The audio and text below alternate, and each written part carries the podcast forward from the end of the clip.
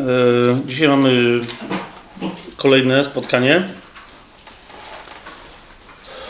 Ósme już w tym sezonie, ale nie wiem, które dokładnie e, poświęcone e, Pawłowemu listowi do Rzymian.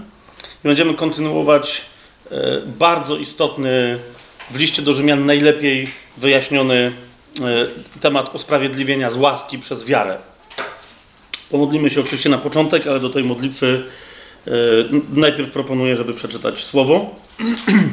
To jest list do Rzymian, skoro w nim jesteśmy. Piąty rozdział.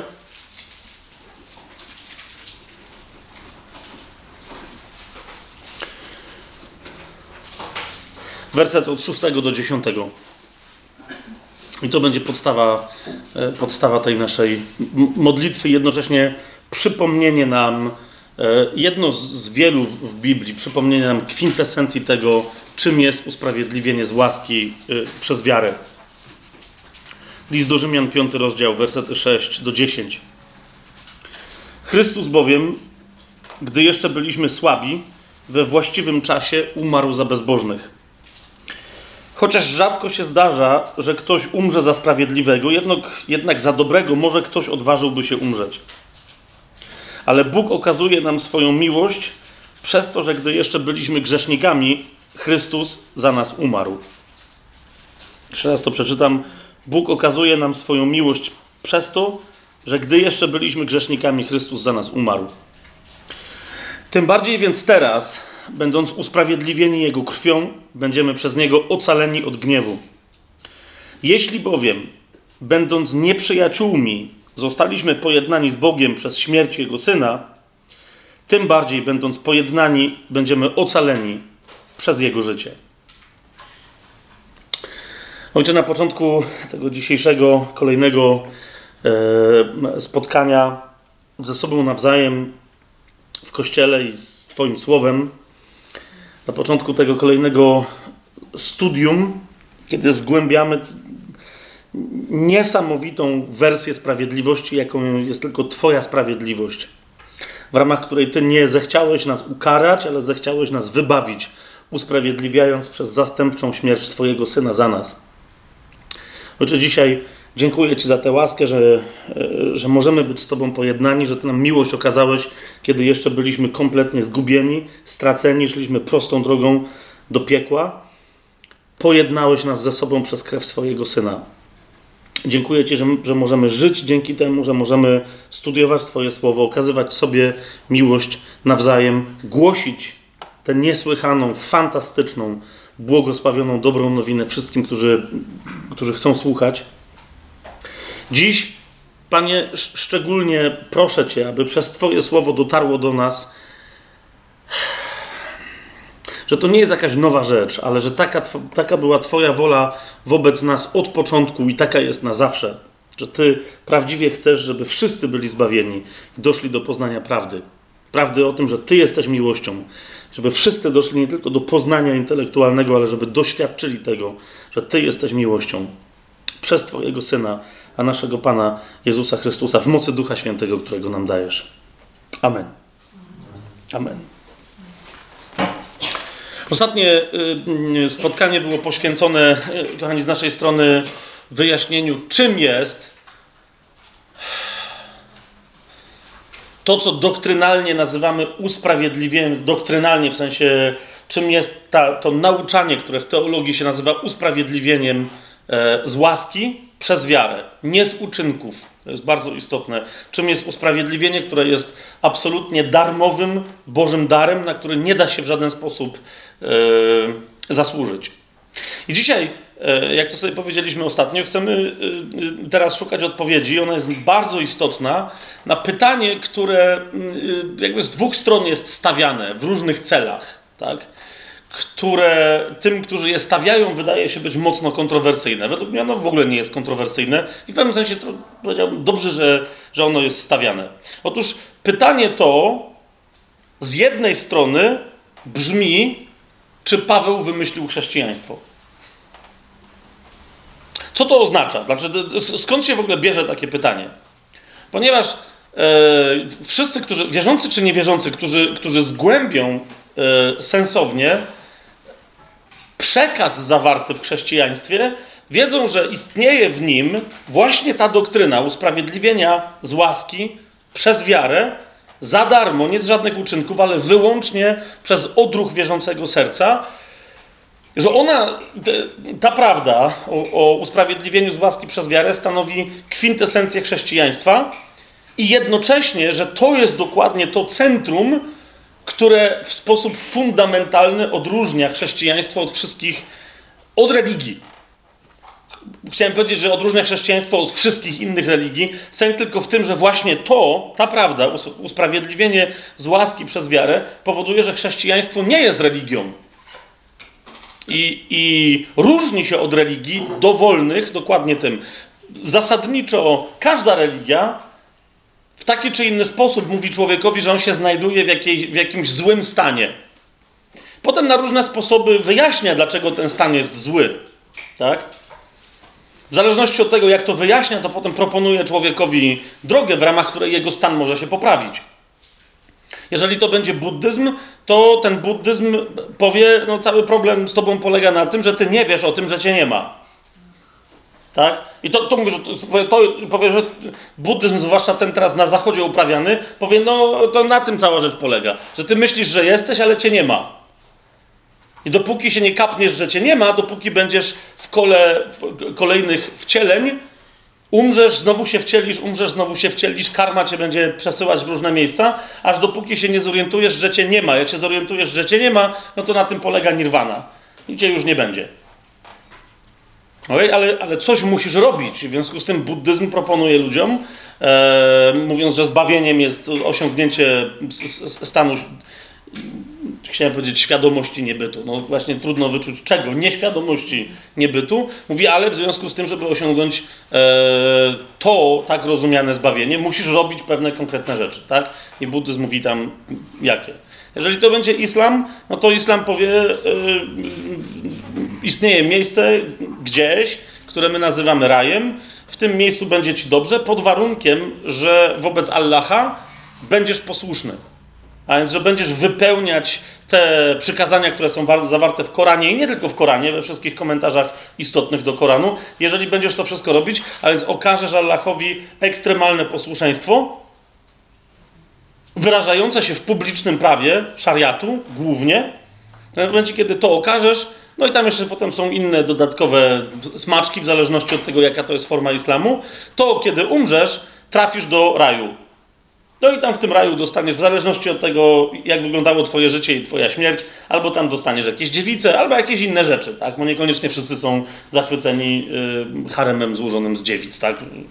Tu widzę, że zwłaszcza panie są takie raczej e, słabo, no nie? Więc e, natomiast, natomiast islam nigdy e, nie twierdzi, że ten raj będzie jak, jakimkolwiek bezpośrednim obcowaniem z Allahem. Tak? Ten Allah nadal jest gdzie indziej.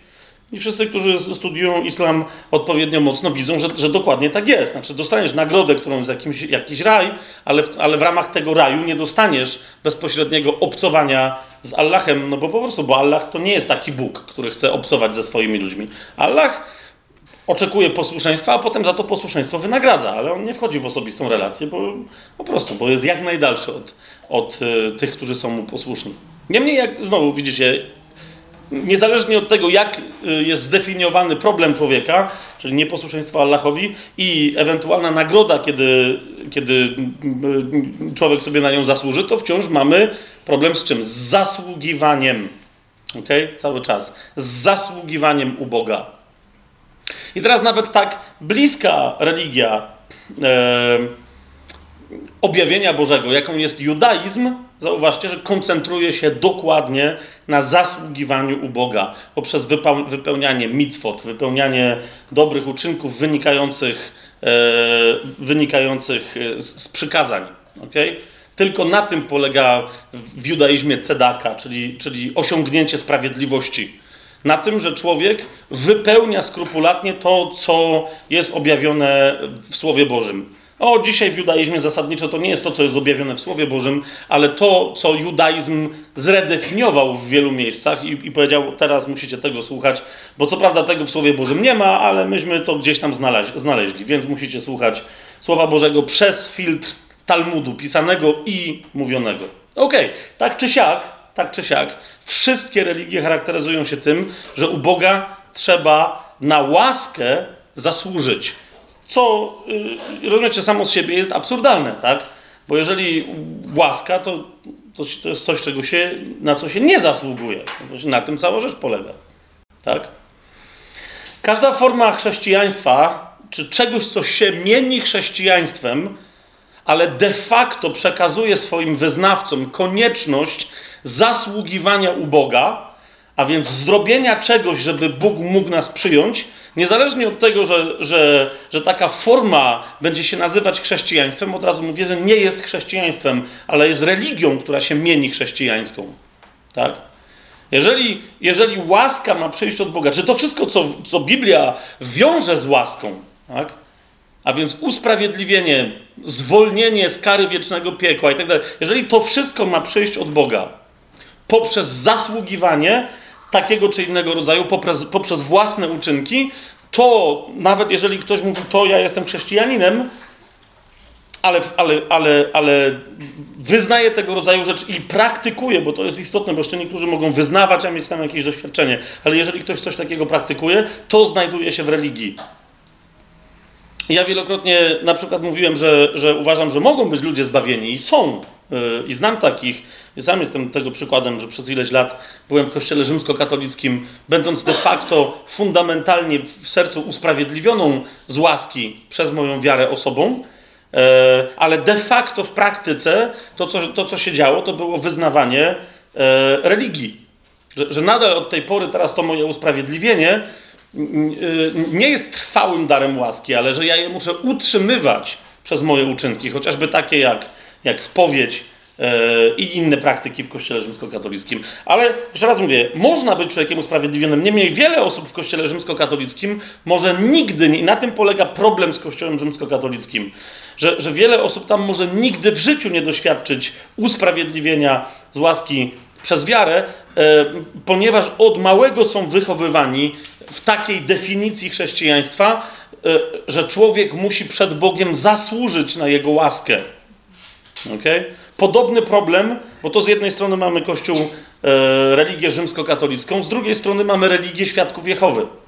To, jest dokładnie, to jest dokładnie to, którzy też mienią się chrześcijanami i zwłaszcza w takim kraju jak Polska przychodzą do, do domów rzymskokatolickich i dokładnie na tym bazując, że rzymscy katolicy e, nie znają Pisma Świętego, mówią, my znamy Pismo Święte. I teraz mówią im, e, jakie tam mają swoje koncepcje, ale nadal, jeżeli ktoś przestanie być rzymskim katolikiem i przechodzi do organizacji Świadków Jehowy, okazuje się, że de facto, fundamentalnie, wszystko polega dokładnie na tym samym. Znaczy, musi zacząć zasługiwać u Boga. Okay? Ponieważ Jachwę od niego oczekuje działania. Jachwę jest nieruchomy. Jachwę może się zlitować pod warunkiem, że świadek Jehowy e, odpowiednio na takie zlitowanie sobie zasłuży. Podobnie z jakimiś tam innymi organizacjami typu e, badacze pisma, typu no ci to już no, no ale tak, ale typu też podające się za chrześcijan e, mormoni i tak dalej, i tak dalej, i tak dalej. Tak? Niezależnie od wszystkich innych różnic, jeszcze raz powtarzam, biblijne chrześcijaństwo charakteryzuje się fundamentem, którym jest usprawiedliwienie z łaski przez wiarę. Nie z uczynków, ale absolutnie za darmo, z suwerennej decyzji Boga. Amen? Ok. I teraz niektórzy mówią, że no to fajnie, to, to jest bardzo interesująca koncepcja, ale zasadniczo tą koncepcję wymyślił Paweł. A więc, żeby być chrześcijaninem, trzeba przyjąć Pawła, natomiast powiadają niektórzy, krytykujący chrześcijaństwo, mówią, no ale jak się czyta Ewangelię, to Pan Jezus takiej koncepcji nie głosił. On jej w ogóle nie znał. To dopiero Paweł ją wymyślił. A więc chrześcijaństwo, powiadają, właśnie w, w, z tym fundamentem jest wymysłem Pawła. Pan Jezus głosił zasługiwanie, powiadają. Teraz no i tu jest moje pytanie. Jeżeli, jeżeli widzisz, jeżeli rozmawiasz z kimś i teraz pojawia się tego rodzaju koncepcja, bo ktoś jest religioznawcą, bo ktoś jest ateistą, ale który się douczył i wie jak chrześcijanina dziabnąć, zwłaszcza takiego, co twierdzi, że zna Pismo Święte, to jaka jest twoja odpowiedź? Zwłaszcza, że niektórzy też powiadają, no u innych e, autorów Nowego Testamentu również tej koncepcji nie ma. Ona jest tylko u Pawła. Jezus jej nie głosił, nigdzie w Biblii jej wcześniej nie ma, później tym bardziej jej nie ma. A wręcz niektórzy jeszcze dodają, o tym, jeszcze, o tym będę mówił jeszcze, ale nie dzisiaj, ale na, następnym razem do tego się odwołamy. A wręcz taki Jakub wydaje się wprost przeczyć Pawłowi. Okay? Mówiąc, że usprawiedliwienie przychodzi z uczynków. No to, no to może, może chrześcijaństwo już fundamentalnie w Biblii jest podzielone i de facto to wasze chrześcijaństwo wierzące w usprawiedliwienie z łaski przez wiarę jest chrześcijaństwem tylko Pawłowym. Ale jeżeli ktoś wierzy samemu Jezusowi, to wcale, wcale nie musi przyjmować tego konceptu. Otóż, kochani, yy, to nie jest prawda. Wszyscy od początku do końca mają tę samą koncepcję, Pan Jezus oczywiście, że ją głosił, tyle tylko, że on sam siebie nie głosił, ale oczywiście, że tę koncepcję głosił i zaraz to sobie pokażemy. Pozostali e, autorzy e, Nowego Przymierza, pism Nowego Testamentu, absolutnie się z nią zgadzają, włącznie z Jakubem, mówię nawet nie to, że włącznie, zwłaszcza Jakub się z nią zgadza, który właśnie wprost o tej koncepcji usprawiedliwienia z łaski przez wiarę mówi, tylko tyle, że on inny aspekt e, porusza niewłaściwego rozumienia wiary. Tak? Ale jak mówię, to, tym się zajmiemy kiedy indziej. Chciałbym, żebyśmy zaczęli od Piotra, który absolutnie y, zgadza się z Pawłem. Jak sobie otworzymy dzieje apostolskie i tylko sobie przypomnicie, bo całkiem niedawno y, to rozważaliśmy, kiedy Paweł z Barnabą przechodzą y, do Jerozolimy, bo przyszli właśnie judaizujący chrześcijanie e, do ich kościołów e, pogańskich i zaczynają kombinować i mówią, że trzeba się obrzezać, że jednak są pewne zasady prawa, które muszą być wypełnione, bo z samej łaski człowiek nie może być usprawiedliwiony i nie może być zbawiony. E, I oni się z tym nie zgadzają, przychodzą, żeby to rozsądzić z resztą apostołów w Jerozolimie. Wtedy Piotr występuje, to jest 15 rozdział dziejów apostolskich 10-11 mm, werset. I Piotr absolutnie z tym, co później Paweł dokładnie w swoich listach rozpisuje ze szczegółami, Piotr się z tym zgadza i mówi wprost wobec wszystkich, całego tam zgromadzonego kościoła, mówi, dlaczego teraz wystawiacie Boga na próbę, to są dzieje apostolskie 15, 10, 11, dlaczego teraz wystawiacie Boga na próbę, wkładając na kark uczniów jarzmo, którego ani nasi ojcowie, ani my nie mogliśmy udźwignąć. Tu chodzi oczywiście o prawo. No i odwołuje się do fundamentu i mówi, ale wierzymy, że przez łaskę Pana Jezusa Chrystusa będziemy zbawieni. W sensie my, Żydzi, tak samo i oni, czyli poganie. Kropka. Przez łaskę Pana Jezusa Chrystusa. I teraz zobaczcie, yy, pierwszy Piotra, jak sobie otworzymy.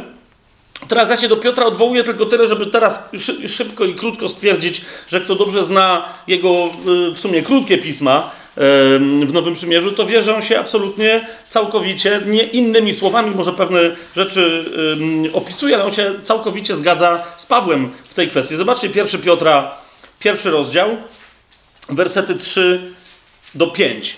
Kiedy y, Piotr, y, pisząc ten swój pierwszy list, y, w ramach pozdrowienia, takim błogosławieństwem się posługuje. Mówi: Błogosławiony Bóg i Ojciec naszego Pana Jezusa Chrystusa, który według swojego wielkiego miłosierdzia zrodził nas na nowo.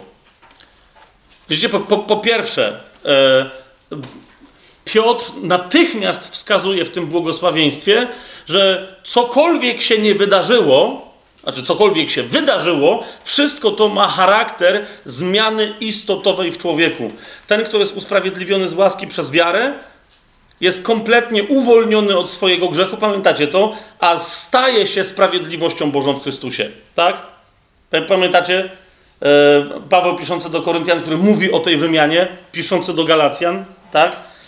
Piotr to nazywa nowym narodzeniem, ale mówi wyraźnie, to jest dokładnie to. Byliście kimś, byliście grzesznikami, przez suwerenną decyzję i akcję Boga urodziliście się jako kompletnie nowe osoby, z kompletnie nową naturą. A więc błogosławiony Bóg i Ojciec naszego Pana Jezusa Chrystusa, który według swojego wielkiego miłosierdzia zrodził nas na nowo do żywej nadziei przez wskrzeszenie Jezusa Chrystusa z martwych. Do dziedzictwa niezniszczalnego i nieskalanego i niewiędnącego, zachowanego w niebie dla was, którzy jesteście strzeżeni mocą Boga przez wiarę ku zbawieniu przygotowanemu do objawienia się w czasie ostatecznym. Moc Boga nas strzeże przez naszą wiarę. Okay?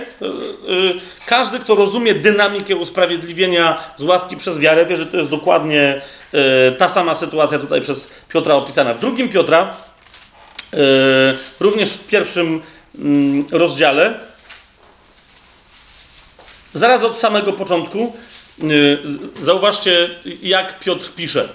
Szymon Piotr, to jest pierwszy rozdział od pierwszego do czwartego wersetu. Szymon Piotr sługa i apostoł Jezusa Chrystusa do tych, którzy otrzymali wiarę równie cenną jak nasza. Zwróćcie uwagę, dzięki sprawiedliwości naszego Boga i Zbawiciela Jezusa Chrystusa.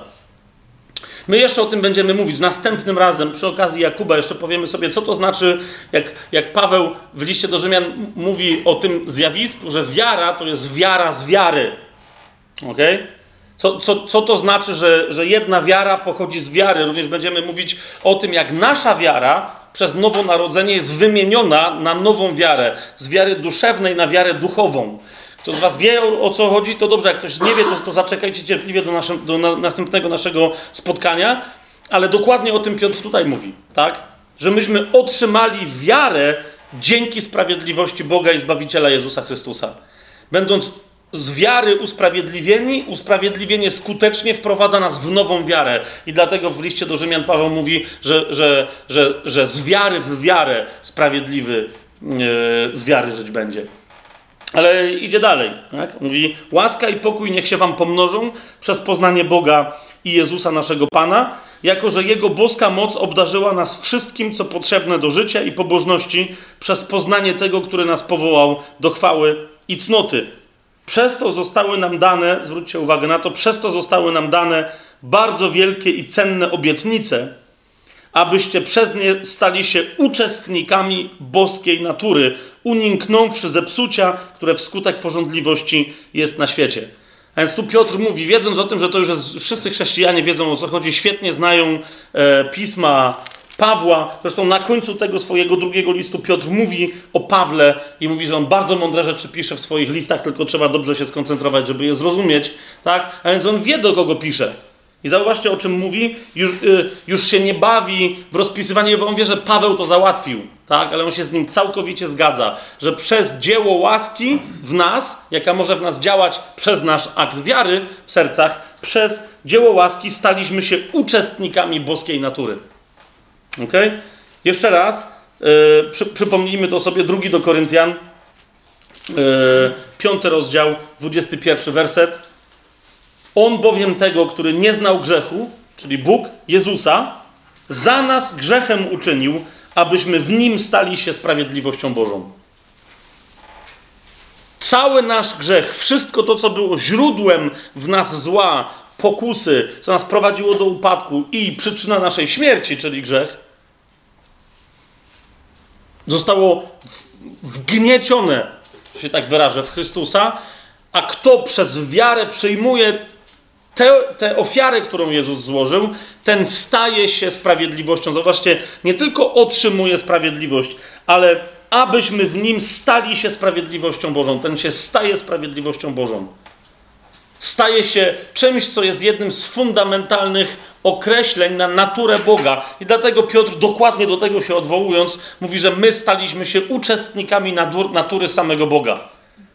On jest sprawiedliwy w taki sposób, że nigdy o, o nikim ani o niczym źle nie pomyślał i nie zgrzeszył, nigdy tak nie robi i nigdy tak nie zrobi. I Piotr mówi, myśmy się stali uczestnikami tej jego natury. Przez tę cudowną wymianę Raz uwierzywszy, że to się stało na krzyżu, staje się to faktem w naszym życiu. Mamy tę naturę. Wierzycie to? Więc, więc yy, cała reszta lektura listów Piotra to nie jest na dzisiaj, tylko jak dojdziemy do Piotra, ale Piotr zgadza się z Pawłem. Okay? Piotr się zgadza z Pawłem w kwestii usprawiedliwienia z łaski przez wiarę. Wszyscy się zgadzają. Tylko teraz mamy odpowiedzieć na pytanie, no okej, okay, czy Paweł wymyślił chrześcijaństwo? Czy on tylko pewne rzeczy precyzyjnie opisał i zdefiniował, czy po prostu może rzeczywiście on to wymyślił, tak? Niektórzy powiadają, że przecież no Paweł miał objawienie, tak? I, i, I bywa, że niektórzy wręcz to głoszą, że rzeczywiście dopiero Paweł miał właśnie na ten temat objawienie i że dopiero on o usprawiedliwieniu z łaski przez wiarę mówił. Jak zobaczycie, w czym Paweł miał objawienie, okay? co było tajemnicą zakrytą, tajemny plan. Boże, co było tajemnym planem? To, to nie jest usprawiedliwienie z łaski przez wiarę. I zaraz to sobie pokażemy. Tą tajemnicą jest tajemnica ciała Chrystusa tutaj na ziemi. Jedności usprawiedliwionych z łaski przez wiarę ludzi i Żydów, i Pogan w taki sam sposób, na tym samym poziomie, przez to, że otrzymują tę samą naturę Bożą. A więc to było dosyć niejasne i to jest szczególne i wyjątkowe objawienie Pawła. O tym jeszcze będziemy więcej mówić, ok? Że jest jedno ciało, a tym ciałem ciało Chrystusa tu na ziemi, a tym ciałem jest Kościół. I, i na czym polega ten, ten fascynujący byt? To to jest, ale nie usprawiedliwienie z łaski przez wiarę. I teraz o tym, i teraz to jest bardzo istotne, bo, bo widzicie, pada pytanie, czy Jezus głosił usprawiedliwienie z łaski przez wiarę. Sam Piotr, na którego teraz się powołałem, zaraz wam to pokażę w, w, w, dwóch różnych miejscach. Sam Piotr mówi, że nie tylko, że Jezus to głosił. Jest rzeczą oczywistą, że Jezus to głosił. Dlaczego? Bo według Piotra, i zaraz wam pokażę dwa miejsca, w których on o tym mówi, bo według Piotra cały Stary Testament, a przynajmniej prorocy Starego Testamentu, wszyscy głosili usprawiedliwienie z łaski przez wiarę. A więc jak ktoś mówi, czy Paweł wymyślił chrześcijaństwo, w sensie, czy Paweł wymyślił usprawiedliwienie z łaski przez wiarę, odpowiedź moja, czy, czy, czy Jezus rzeczywiście coś takiego głosił, odpowiedź nie moja, tylko Biblii, brzmi od początku ta prawda jest głoszona. Od początku to jest jedyne rozwiązanie i nie ma żadnego innego. Całe Stare Przymierze o tym mówi. Pan Jezus to skutecznie podkreśla, zaraz sobie to jeszcze y, pokażemy w jaki sposób.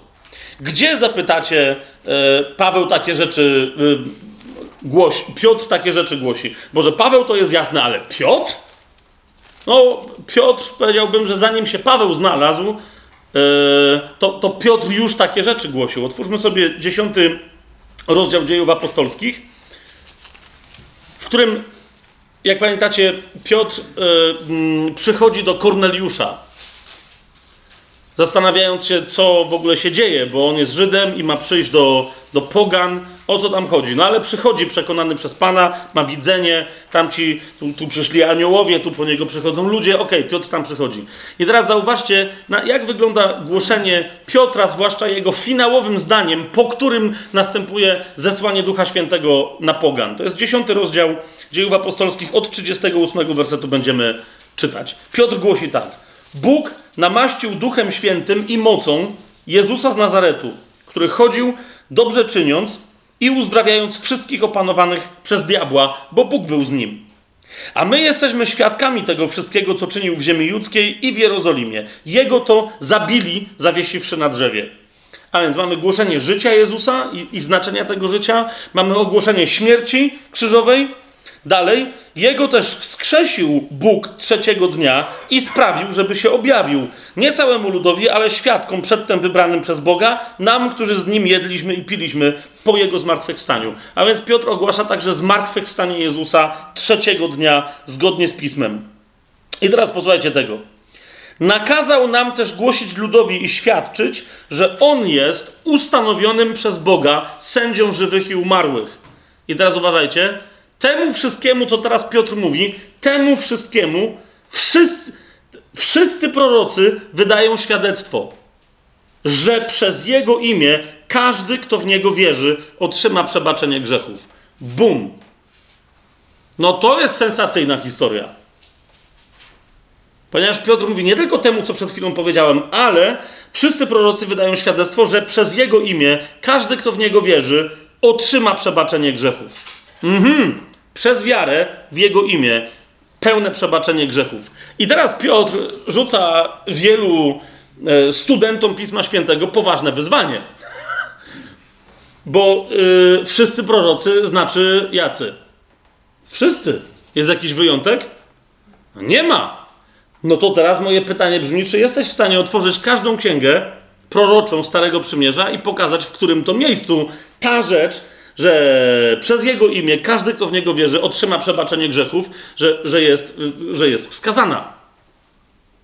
Gdzie to jest na przykład? Gdzie, gdzie masz tego typu miejsce? U Abdiasza. Albo, o, jeszcze lepiej, a na przykład u Jonasza. Je, okej, okay, to akurat było dość oczywiste. Niektórzy się już uśmiechają i tak dalej, i tak dalej. Ale, ale to jest to. Piotr mówi, wszyscy prorocy wydają świadectwo. I otwórzmy sobie jeszcze pierwszy Piotra. Jesz, jeszcze raz tam wróćmy. E, no bo ktoś powie, no okej, okay, ale to Łukasz napisał, że Piotr tak powiedział. To Łukasz tak stwierdził. No ale zobaczcie, u samego e, Piotra, to jest pierwszy rozdział, od ósmego wersetu Piotr do chrześcijan, których już wcześniej błogosławił, tak jak to z tego rozdziału cytowaliśmy, w pierwszym rozdziale od ósmego wersetu tak mówi o naszej wierze w Jezusa. A chociaż go nie widzieliście, czyli Jezusa, miłujecie i w niego, chociaż teraz go nie widzicie, wierzycie i cieszycie się radością niewysłowioną i pełną chwały, otrzymując koniec waszej wiary, zbawienie dusz. Oto zbawienie wywiadywali się i badali je prorocy, którzy prorokowali o przeznaczonej dla was łasce. Widzicie to? To jest dokładnie Piotr, e, czyli Łukasz ma rację. Oczywiście, że ma rację, bo jest natchniony przez Ducha Świętego. Piotr to sam potwierdza w swoim liście. On to naprawdę widzi. Prorocy prorokowali o przeznaczonej dla was łasce. Wyraźnie o tym mówi. Badali oni, na jaką i jakiego rodzaju porę wskazywał duch Chrystusa, który był w nich, przepowiadając cierpienia, które miały przyjść na Chrystusa i mającą potem nastąpić chwałę.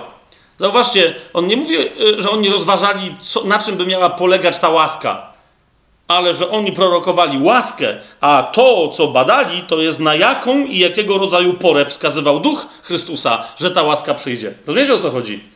Oni się nie zastanawiali, czy ta łaska przyjdzie według Piotra. Oni, on, oni wiedzieli według niego, że ta łaska przyjdzie, tylko rozważali w jaki sposób, po czym e, ci, którzy będą mogli jej zacząć doświadczać, po czym rozpoznają, że ta łaska przyszła. Po czym rozpoznają, bo ona przychodzi, tu Piotr oczywiście skraca pewien temat, bo ona przychodzi przez Chrystusa, więc po czym, i to, jest to, to było zadanie proroków. Po czym ci, którzy mają rozpoznać Chrystusa, bo on już e, im się objawi, po czym mają Chrystusa rozpoznać i przychodzącą z nim łaskę.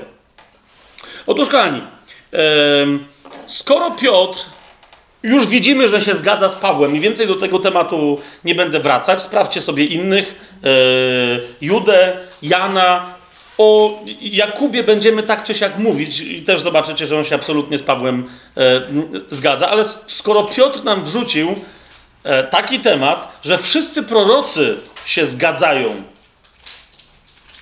z Pawłem, znaczy on się z nimi zgadza, on tylko wyjaśnia to, co u nich nie do końca jasne jest, ale w sposób oczywisty się tam znajduje, no to dobrze byłoby, żebyśmy się przyjrzeli, czy rzeczywiście tak jest. Zwłaszcza, że jak się przyjrzymy właściwym wątkom w Starym Przymierzu, to będzie nam łatwiej zobaczyć, w jak oczywisty sposób cały Jezus, nie tylko to, co mówił, ale cały on, wszystko to, co robił, to kim był, cały Jezus był głoszeniem usprawiedliwienia grzeszników z łaski przez wiarę.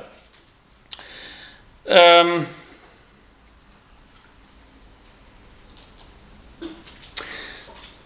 Okej. Okay. Istnieje, y, wiecie o tym, ja o tym parokrotnie y, wspominałem, coś takiego, co się nazywa prawem pierwszej wzmianki w Biblii. Tak? Wiecie o co chodzi. Nie, niektórzy temu przypisują jakieś takie wręcz magiczne znaczenie, e, żeby każdy wyraz definiować przez to, e, w jakim kontekście on, się znajduje, w jakim kontekście występuje po raz pierwszy w Biblii. No to powiedziałbym bez przesady, tak? Bo to nie jest prawo biblijne, to jest tylko pewna e, zależność, którą w wielu przypadkach e, mm, teologowie biblijni czy egzegeci zauważyli, że istnieje. Tak? Więc nie ma się co przy, przypinać jakoś za bardzo i przywiązywać do tej zasady pierwszej wzmianki, że ona zawsze, pierwsza wzmianka jakiegoś wyrazu, że jakieś znaczenie nam przyniesie. Ale myślę, że jest interesującą rzeczą, że pierwsza wzmianka o sprawiedliwości w Biblii, pierwsza wzmianka, i to w dodatku o. No, w ogóle po prostu pierwsza wzmianka o sprawiedliwości znajduje się w Księdze Rodzaju, czyli w pierwszej Mojżeszowej, jak ją sobie razem ze mną y, otworzycie, znajduje się w Księdze Rodzaju w 15 rozdziale, w szóstym wersecie. I słowo sprawiedliwość odnosi się, to jest pierwsza wzmianka, po raz pierwszy występuje to słowo cedaka, występuje e, w, Biblii. To słowo sprawiedliwość odnosi się do Abrahama. To jest 15 rozdział pierwszej Mojżeszowej, szósty werset. I uwierzył Jahwe i poczytano mu to za sprawiedliwość. To jest dokładnie to jest dokładnie ten moment, do którego się później w liście do Rzymian, jak pamiętacie, zwłaszcza w czwartym rozdziale listu do Rzymian, Paweł odwołuje. Zgadza się? On tam cały czas wyjaśnia, że yy, wiara Abrahama została mu poczytana za sprawiedliwość, zanim wykonał jakikolwiek uczynek, włącznie z obrzezaniem, którego by Pan od niego się na zasadzie przymierza i prawa przymierza od niego domagał. Tak? Po drugie, zauważcie, pierwsze wystąpienie słowa sprawiedliwość w Biblii jest związane z wiarą. I uwierzył Jahwe i poczytano mu to za sprawiedliwość. Zgadza się? Jest, sprawiedliwość jest związana z wiarą. To jest pierwsze wystąpienie. Ale wiecie, co jest dla mnie najbardziej fascynujące? Na co bardzo mało osób zwraca uwagę, nawet jeżeli wiedzą, jak ta y, księga się nazywa w wielu tłumaczeniach. Otóż zwróćcie uwagę, że ta księga jest napisana przez Mojżesza. Przez Mojżesza w cudzym słowiu prawodawcę. Tak? On nie był żadnym prawodawcą, nie wymyślił prawa i nie dał prawa. On tylko przyjął stworzone przez Boga, o tym za chwilę jeszcze w konkretnych celach, prawo i przekazał je Izraelowi. Tak? Ale rozumiecie, autorem pięcioksięgu, począwszy od Księgi Rodzaju, skończywszy na Księdze Powtórzonego Prawa, jest Mojżesz jest natchniony przez Ducha Świętego, ale przecież nie jest wyłączony przez Ducha Świętego, więc widzi, co pisze. I on nie ma z tym absolutnie żadnego problemu. To Mojżesz, w cudzym słowie prawodawca, wiąże koncepcję sprawiedliwości z wiarą, i to konkretnie wiarą Abrahama. Widzicie to? Sensacja, co? Dlaczego to jest istotne? E, no po pierwsze dlatego, że Mojżesz również był prorokiem. Przypomnijcie sobie chociażby e, jego sławną zapowiedź tyczącą się Chrystusa. Proroka takiego jak ja da wam Pan i jego... E, potem słuchajcie, Mojżesz był prorokiem. Więc to jest jeden z tych, do których potrzebujemy się odwołać. Tak? I on ewidentnie w wielu miejscach zawiera prorocze przesłanie o usprawiedliwieniu z łaski przez wiarę pierwsze wystąpienie słowa sprawiedliwość jest przez niego przywiązane do słowa, do, do słowa wiara. Yy, przeskoczmy sobie szybciutko, żeby tylko to zobaczyć, widzę, że niektórzy z Was są trochę zaskoczeni, albo nie wiem co. W liście do Rzymian w czwartym rozdziale, spójrzcie, trzeci werset. Zaraz po tym, jak Paweł w trzecim rozdziale ogłasza, że usprawiedliwienie jest tylko i wyłącznie z łaski przez wiarę, nie przychodzi przez prawo, przychodzi kompletnie bez związku z prawem, jakby w ogóle obok niego, w ramach innego nurtu logiki Bożej.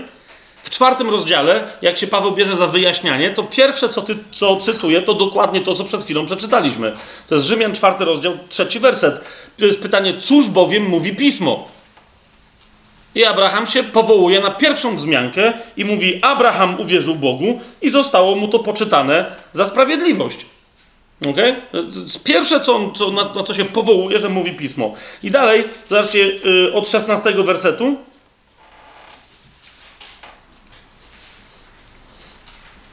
Na ten temat w czwartym rozdziale yy, Paweł kontynuuje. Tak więc dziedzictwo jest z wiary aby było z łaski i żeby obietnica była niewzruszona dla całego potomstwa. Nie tylko dla tego, które opiera się na prawie, ale i dla tego, które jest z wiary Abrahama, który jest ojcem nas wszystkich. Dlaczego y, przypominam ten fragment czwartego rozdziału listu do Rzymian? Ponieważ jest to niezwykle istotne, zobaczcie, od razu z pojęciem sprawiedliwości i działania łaski wiąże się y, bycie dzieckiem i bycie dziedzicem, Wią, wiąże się bycie potomkiem w określony sposób, zaraz nam się to jeszcze wyjaśni, i nabycie zupełnie nowej tożsamości i nabycie zupełnie nowej natury. To jest bardzo istotne. I teraz zauważcie, że skoro my wierzymy tak jak Abraham uwierzył i oczekujemy, że przez tę wiarę przyjdzie do nas sprawiedliwość, to Abraham jest ojcem nas wszystkich. Mamy jednego ojca w niebie, ale my jesteśmy potomkami Abrahama. Wszyscy, którzy wierzą przez Jezusa Chrystusa, którzy wierzą w imię Jezusa Chrystusa i przez tę wiarę otrzymują usprawiedliwienie, są potomkami Abrahama. Jeżeli szukasz dla siebie obietnic bożych, niektórzy mówią, no ale w Starym Przymierzu za bardzo dla chrześcijan obietnic nie ma. Naprawdę? Przyjrzyj się chociażby obietnicom, jakie miał Abraham i jakie były związane z Abrahamem dla następnych, którzy się powoływali na jego imię. Wszystkie te obietnice literalnie są Twoje. Wyraźnie pismo o tym mówi. Dlaczego? Bo Abraham jest ojcem nas wszystkich. Jak jest napisane, ustanowiłem Cię ojcem wielu narodów, przed Bogiem któremu uwierzył, który ożywia umarłych i przywołuje te rzeczy, których nie ma, tak jakby były. On to wbrew nadziei, mając nadzieję, uwierzył, że stanie się ojcem wielu narodów, według tego, co mu powiedziano, takie będzie Twoje potomstwo. A nie będąc słabym w wierze, nie zważał na swoje już obumarłe ciało, bo miał około 100 lat, ani na obumarłe łono Sary, i nie zachwiał się z powodu niewiary w obietnicę Boga, ale umocnił się wiarą i oddał chwałę Bogu będąc też pewien tego, że to, co on obiecał, ma moc też uczynić. Dlatego zostało mu to poczytane za sprawiedliwość. Jeszcze raz, tamto jedno konkretne wydarzenie, zauważcie, jak jest bardzo wyjaśniane przez Pawła. Nie wiem, jak ktoś może powiedzieć, że Paweł wymyślił więc usprawiedliwienie z wiary, skoro sam Paweł wyjaśniając o co chodzi w tej koncepcji Bożej, powołuje się na tak odległy i pierwotny tekst biblijny, który pochodzi z pierwszej księgi, z jednego z pierwszych rozdziałów yy, całego Pisma Świętego. I dalej. Ale nie tylko ze względu na niego samego napisano, że zostało mu to poczytane, ale i ze względu na nas, którym ma być poczytane, którzy wierzymy w tego, który wskrzesił z martwych Jezusa, naszego Pana, który został wydany za nasze grzechy i wstał z martwych dla naszego usprawiedliwienia. Kochani, musimy przy tej okazji zwrócić uwagę na, na jedną rzecz, okay? bo, bo później ta koncepcja będzie się ciągnąć e, przez całą Biblię. I na nią tu nam, w, tym szerokim fragmencie, który specjalnie przeczytałem, na nią zwraca uwagę Paweł. On później Galacjanom więcej temat wyjaśni. Bo widzicie, jak my mówimy, że Abraham uwierzył i Bóg mu to poczytał za sprawiedliwość, prawie wszyscy chrześcijanie, jak ich zapytasz, Abraham uwierzył? Tak, i co się stało? I Bóg mu to poczytał za sprawiedliwość. Jak zapytasz chrześcijanina, a w co Abraham uwierzył? To co odpowiedzą? No i teraz niektórzy z Was mają właśnie, e, zaczekaj, e, Abraham uwierzył, ale rozumiesz, chodzi o to, że Abraham, jeszcze Abram wtedy usłyszał od Boga konkretną obietnicę i w nią uwierzył. Okay? A zatem wróćmy, i, i widzicie, i, i, o tej obietnicy tutaj mówi Paweł, tak? Więc jeszcze, jeszcze głęb, bo niektórzy powiadają, no to jest takie ogólne przy okazji Abrahama mówienie o usprawiedliwieniu z łaski przez wiarę. Doprawdy? Zobaczmy jeszcze raz Księgę Rodzaju, 15 rozdział. Zobaczcie, co się dzieje. Przychodzi od początku 15 rozdziału Jachwę do Abrama, Mówi mu, jestem twoją tarczą, to jest 15 rozdział, pierwszy werset, twoim, twoją niezmiernie obfitą nagrodą, a na to Abram, spoufalony mocno z Bogiem, odpowiada mu trzeci werset, no okej, okay, fajnie, ale nie dałeś mi potomka, a sługa urodzony w moim domu będzie moim dziedzicem. I on mówi o, o tym, który mu się zrodził z Hagar, z niewolnicy, tak? Yy, nawet nie o tym, bo to jest, bo to jest jeszcze inna historia. Mówi o, o, o swoim słudze, którego rzeczywiście miał i któremu by przekazał, e, bo to nie o Izmaela chodziło, któremu by przekazał swoje dziedzictwo. Mówi, no ale nie taka była twoja obietnica. Nie, nie, nie tak sądziłem, że, że, że mnie pobłogosławisz. A w czwartym wersecie, zauważcie, dociera do niego słowo Jahwe. Nie on będzie twoim dziedzicem, ale ten, który wyjdzie z twojego wnętrza, będzie twoim dziedzicem. I teraz widzisz, to jest ta obietnica, tak? Mówi mu Bóg o jednym konkretnym potomku, nie o potomstwie, ale mówi mu o jednym konkretnym potomku, który wyjdzie z jego wnętrza, który jest potomkiem obietnicy. Miejcie to cały czas w pamięci, tak? Potem wyprowadził go na dwór, czyli na pole, bo tutaj tłumacz widać, że nie jest y, z Małopolski, ok? Potem wyprowadził go na zewnątrz i powie... tłumaczenie ekumeniczne. Potem wyprowadził go na zewnątrz i powiedział: Spójrz teraz na niebo i policz gwiazdy, jeśli będziesz mógł je policzyć. I powiedział mu: Takie będzie Twoje potomstwo. Ale widzisz, potomstwo w liczbie mnogiej okay, jest uzależnione od pierwotnej obietnicy pojedynczego potomka. I widzisz, i tyle, nie ma nic więcej. Nie ma nic więcej. Tylko jest to: będzie potomek, a ten potomek zamieni się w potomstwo. I w to uwierzył Jahwe Abram, i to poczytał mu Jachwę, Abramowi, za sprawiedliwość. Widzicie o co, o co chodzi?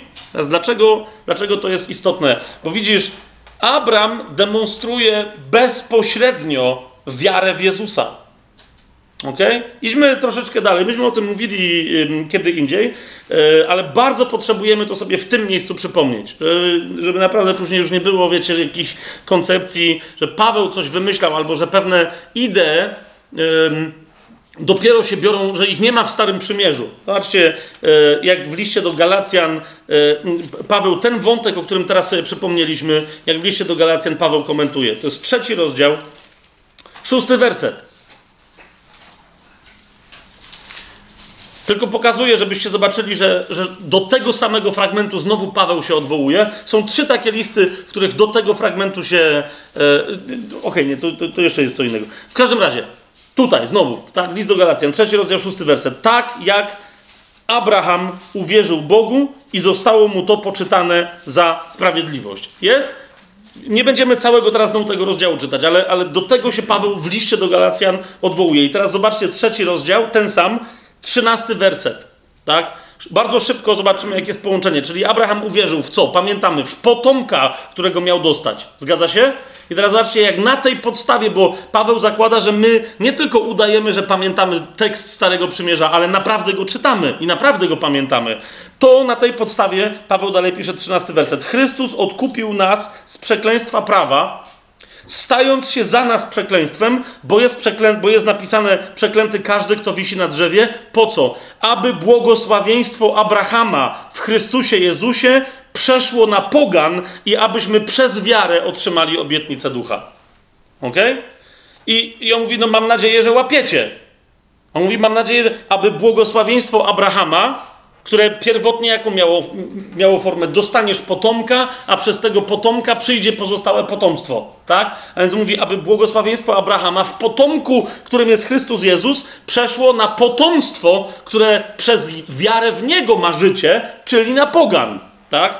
I gdyby jeszcze ktoś miał w tej kwestii wątpliwość, to zobaczcie 16, 16 i 17 werset, bo Paweł wie, że, na, że przyjdzie wątpliwość, to jeszcze doprecyzowuje. Mówi: Otóż Abrahamowi i jego potomkowi zostały dane obietnice. I tu zaznacza, nie mówi i jego potomkom, jakby o wielu, ale mówi jako o jednym i twojemu potomkowi. Tak? To podkreśla Paweł i Twojemu potomkowi. A kto nim jest? Paweł kończy zdanie, którym jest kto? Chrystus. Widzicie o co chodzi? Paweł mówi, to, to nie masz, nie będziemy teraz tego wątku rozwijać, będziemy w liście do Galacjan, to jeszcze sobie pogłębimy pewną rzecz, ale mówi, którym jest Chrystus. I dlatego 17 werset, a zatem to mówię, przymierza zatwierdzonego przedtem przez Boga względem Chrystusa nie znosi prawo, które powstało 430 lat później, tak, aby unieważnić obietnicę. A więc Paweł mówi, i, i dlatego rozumiecie, dlatego, dlatego Mojżesz sobie z tego zdaje sprawę. Mojżesz, który przekazuje ludowi prawo od Boga, wie doskonale, że mowa o sprawiedliwości pojawiła się grubo przed prawem, grubo przed umową na temat obrzezania nawet. I to była umowa pełna błogosławieństwa i obietnicy z Abrahamem, Jahwe. Tak? A potomkiem dziedziczącym tę obietnicę, realizującym ją jest Chrystus. Amen?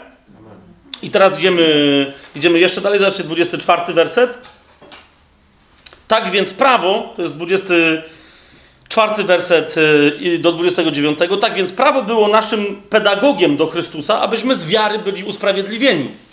No, mówi, po prostu prawo się pojawiło w pewnym momencie 430 lat później po tym, jak, się te, jak te wydarzenia miały miejsce. Prawo się pojawiło jako, nau, jako wychowawca i troszeczkę nauczyciel. Zaraz sobie więcej o tym powiemy. Ale 25 werset. Gdy przyszła wiara, już nie jesteśmy pod pedagogiem. To jest tyle. Gdy przyszła wiara, kto przez wiarę otrzymał łaskę, jest usprawiedliwiony, ten zdał maturę. I koniec. Już nie chodzi do szkoły. Już, już tyle. Nie ma godziny wychowawczej z pedagogiem, który się nazywa prawo mojżeszowe. Wszyscy bowiem, zwróćcie uwagę, 26 werset, wszyscy bowiem jesteście synami Bożymi przez wiarę w Chrystusa Jezusa. Wszyscy. Bo wszyscy, którzy zostaliście ochrzczeni w Chrystusie, przyodzialiście się w Chrystusa. Nie ma Żyda, ani Greka, nie ma niewolnika, ani wolnego, nie ma mężczyzny, ani kobiety. Wszyscy bowiem jedno jesteście w Chrystusie Jezusie. A jeśli należycie do Chrystusa, to jesteście potomstwem Abrahama zgodnie z obietnicą dziedzicami. Rozumiecie? Jeszcze raz Paweł zawiązuje ten sam węzeł. Mówi, żeby później nie było, że Żydzi będą mówić, że ale, bo my, ale, bo my. On później e, w liście do Rzymian, znów to jest jeszcze inny temat, będziemy go będziemy poruszać, ale on mówi, nie każdy, kto twierdzi, że jest Żydem i kto jest w stanie pokazać ci swój rodowód, jest Żydem. Nie każdy z nich jest potomkiem Abrahama. Okay? Prawdziwym potomkiem Abrahama, i może się spokojnie nim mienić, jest ten, kto jest nim przez Jezusa jako Mesjasza. Amen? Zresztą, otwórzmy sobie list do Rzymian. Co tam będziemy się szczypać? List do Rzymian, dziewiąty rozdział. Tak, żeby po prostu, jak, jak, jak zacytowałem, to zacytujmy całkowicie. To jest list do Rzymian, dziewiąty rozdział, siódmy i ósmy werset. Paweł mówi bardzo wyraźnie, bez ogródek. Ten Paweł, który, yy, który mówi, zauważcie, w dziewiątym rozdziale, w trzecim wersecie, pragnąłbym bowiem sam być odłączony od Chrystusa za moich braci, za moich krewnych według ciała. Więc on kocha Izraela, ale jednocześnie nie pozostawia żadnych złudzeń. Zobaczcie ten sam dziewiąty rozdział listu do Rzymian, siódmy i ósmy werset. Nie wszyscy, przez to, że są potomstwem Abrahama, są dziećmi ale jest powiedziane, w Izaaku będzie nazwane Twoje potomstwo. To znaczy, że nie dzieci ciała są dziećmi bożymi, ale dzieci obietnicy są uznane za potomstwo. Tak? I, i znów, skąd się tutaj Izaak wziął i, dla, i, dlaczego to jest właśnie dowód na to, że przez Jezusa, a nie przez Niego, nie przez krew, ale przez, przez, przez duchowe dziedziczenie to się dzieje, to my dzisiaj yy, nie będziemy tego wątku rozważać. Tak? Ale pamiętajcie, sprawiedliwość pojawia się w Starym Przymierzu. Mojżesz o tym świadczy, jako prorok przede wszystkim, a nie człowiek związany z prawem, przez postać Abrahama. Tak? Kiedy? Kiedy Abraham uwierzył w złożoną mu obietnicę. Ale teraz, kochani, chcę powiedzieć jeszcze więcej. Otóż mówiłem o tym wielokrotnie, powiem to jeszcze raz. Sądzę, zgodnie ze Słowem Bożym, i teraz to sobie udowodnimy, że, że Abraham nie tylko uwierzył w obietnicę, że jakiś jego potomek zrodzi dalej potomstwo, ale to skuteczne, ta skuteczna, ta wiara okazała się skuteczna tak, że go usprawiedliwiła, dlatego że Abraham wiedział, że chodzi o Jezusa i wiedział, o jakie dzieło chodzi. Okej? Okay? I teraz to sobie szybciutko pokażemy. Kto z Was będzie chciał, to niech sobie poszuka więcej, ale bardzo prosty e, wątek. Sam Pan Jezus o tym świadczy. To jest pierwsza rzecz. To jest Ewangelia Jana, 8 rozdział, 56 werset. I Jan, i Jan zaświadcza o tym, że Jezus w rozmowie z tymi, którzy właśnie z dumą podawali się za dzieci Abrahama, że Abraham jest, im, jest ich ojcem, e, dokładnie na to Jezus im wskazuje. Żebyście się na tym nie przejechali, że Abraham jest waszym ojcem, bo jeżeli wy we mnie nie uwierzycie, to nie będziecie mieli jego obietnicy, bo nie przez krew to przechodzi genetycznie przekazywaną, która skaża ludzi śmiercią, straszy ich i oni później grzeszą nie w ten sposób. Ok? Zauważcie, kto jest synem obietnicy: Izaak czy ja? I a propos tego, że Abraham usłyszał, tak, i uwierzył i to mu zostało poczytane za sprawiedliwość. Zauważcie, Abraham uwierzył w imię Jezusa, w moc jego dzieła. ok? I dlatego mu to zostało po, poczytane za sprawiedliwość. Zobaczcie, ósmy rozdział Ewangelia na 56 werset. Jezus sam mówi w ten sposób: Abraham, wasz ojciec, z radością pragnął ujrzeć mój dzień. Kropka. I teraz Jezus mówi jedno z, z, z, z niewielu tak, naprawdę przez całe swoje życie niewiele tak wstrząsających zdań wypowiedział. To jest jedno z tych najbardziej wstrząsających na temat Abrahama. On pragnął ujrzeć mój dzień, mówi, i ujrzał i uradował się. I ujrzał i uradował się. Hmm? Więc to jest, to jest pierwsza rzecz, na którą Wam zwracam uwagę. Okay? Jezus świadczy o tym, że Abraham ujrzał. Kiedy? No, kiedy jest lepszy moment, jak nie wtedy, kiedy otrzymał obietnicę potomka? Zgadza się? Ale chcę jeszcze uwagę zwrócić na jedną rzecz. List do Hebrajczyków, rzecz jasna. Tak? List do Hebrajczyków, jedenasty rozdział. To jest niesłychana rzecz powiedziana także. To jest jedenasty rozdział. W jedenastym rozdziale, w jedenastym rozdziale mamy y, od ósmego wersetu, jedenastego rozdziału listu do Hebrajczyków, od ósmego wersetu mamy mowę o, o, tym, co się z Abrahamem działo przez wiarę. Z Abrahamem i Sarą, tak? Od ósmego wersetu, widzicie, tak? Przez wiarę Abraham, gdy został wezwany, aby pójść na miejsce i tak dalej, i tak dalej, i tak dalej. I w ramach tej wypowiedzi na temat wiary Abrahama, Paweł, autor listu do Hebrajczyków, dociera do wersetu dwunastego którym o Abrahamie mówi następującą rzecz. Zobaczcie. Dlatego z jednego człowieka i to obumarłego, bo pamiętacie, że Abraham już był wtedy bardzo stary, kiedy Bóg mu to opowiedział. Zresztą Sara też. Ona tam w pewnym momencie dostała śmiechu poważnego na myśl, że jeszcze będzie miała jakieś dzieci rodzić, tak? Ale komentarz, to jest dwunasty werset. Dlatego z jednego człowieka i to obumarłego zrodziło się, tu mamy, yy, zauważcie, italikiem, kto ma UBG pochyłą czcionką zrodziło się potomstwo. E, no jest jasne, że potomstwo, ale jest tylko tyle, że z jednego urodziło się coś tak licznego. Nie ma tutaj słowa potomstwo, więc urodziło się coś tak licznego, jak gwiazdy niebieskie i jak niezliczony piasek na brzegu morza. Jest, tu jest cały czas mowa o wierze Abrahama i Sary, ale wcześniej była mowa, zwróćcie uwagę, siódmy werset, o wierze Noego, inny prorok Boży, ok? Wcześniej jest mowa o wierze Henocha. Zobaczcie, piąty werset, przez wiarę Henoch. A jeszcze wcześniej jest mowa, no już wcześniej się nie da, tak? Jest mowa o Ablu. Skoro Adam zgrzeszył, to następny jest, to jest jego pierwszy syn razem, razem z Kainem, tak? Zobaczcie, czwarty werset jest mowa o Ablu. A więc list do Hebrajczyków mówi o Ablu, mówi o Henochu, mówi o Noem i mówi o Abrahamie i Sarze. I, I teraz tych postaci tak podsumowuje wiarę, ale już się dowiedzieliśmy coś na temat Abrahama, tak? Że Pan Jezus powiedział, że on widział mój dzień i się uradował, tak? Zobaczcie, co jest powiedziane. Wszyscy oni umarli w wierze, trzynasty werset, nie otrzymawszy spełnienia obietnic, uważajcie na to, ale z daleka je ujrzeli. Widzicie o co chodzi? Jezus zaświadczył o tym wyraźnie o Abrahamie, że, że on bardzo pragnął ujrzeć mój dzień, mówi, i ujrzał, i uradował się. Pamiętacie to? Na tej podstawie myślę, że swobodnie możemy powiedzieć, że taka sama sytuacja miała miejsce z Noem, taka sama sytuacja miała miejsce z Henochem i taka sama sytuacja miała miejsce z Ablem. Zgodzicie się ze mną? Bo, bo tu to słowo mówi, że to, co miał Abraham, oni też mieli, tak? Zauważcie i, i, i, i, i czytajmy dalej. A więc ym, nie otrzymawszy spełnienia obietnic, z daleka je ujrzeli, ucieszyli się nimi, widzicie to? Rozradowali się i najlepsze jest tutaj i przywitali je i wyznawali, że są obcymi i pielgrzymami na tej ziemi od tej pory, jak je przywitali.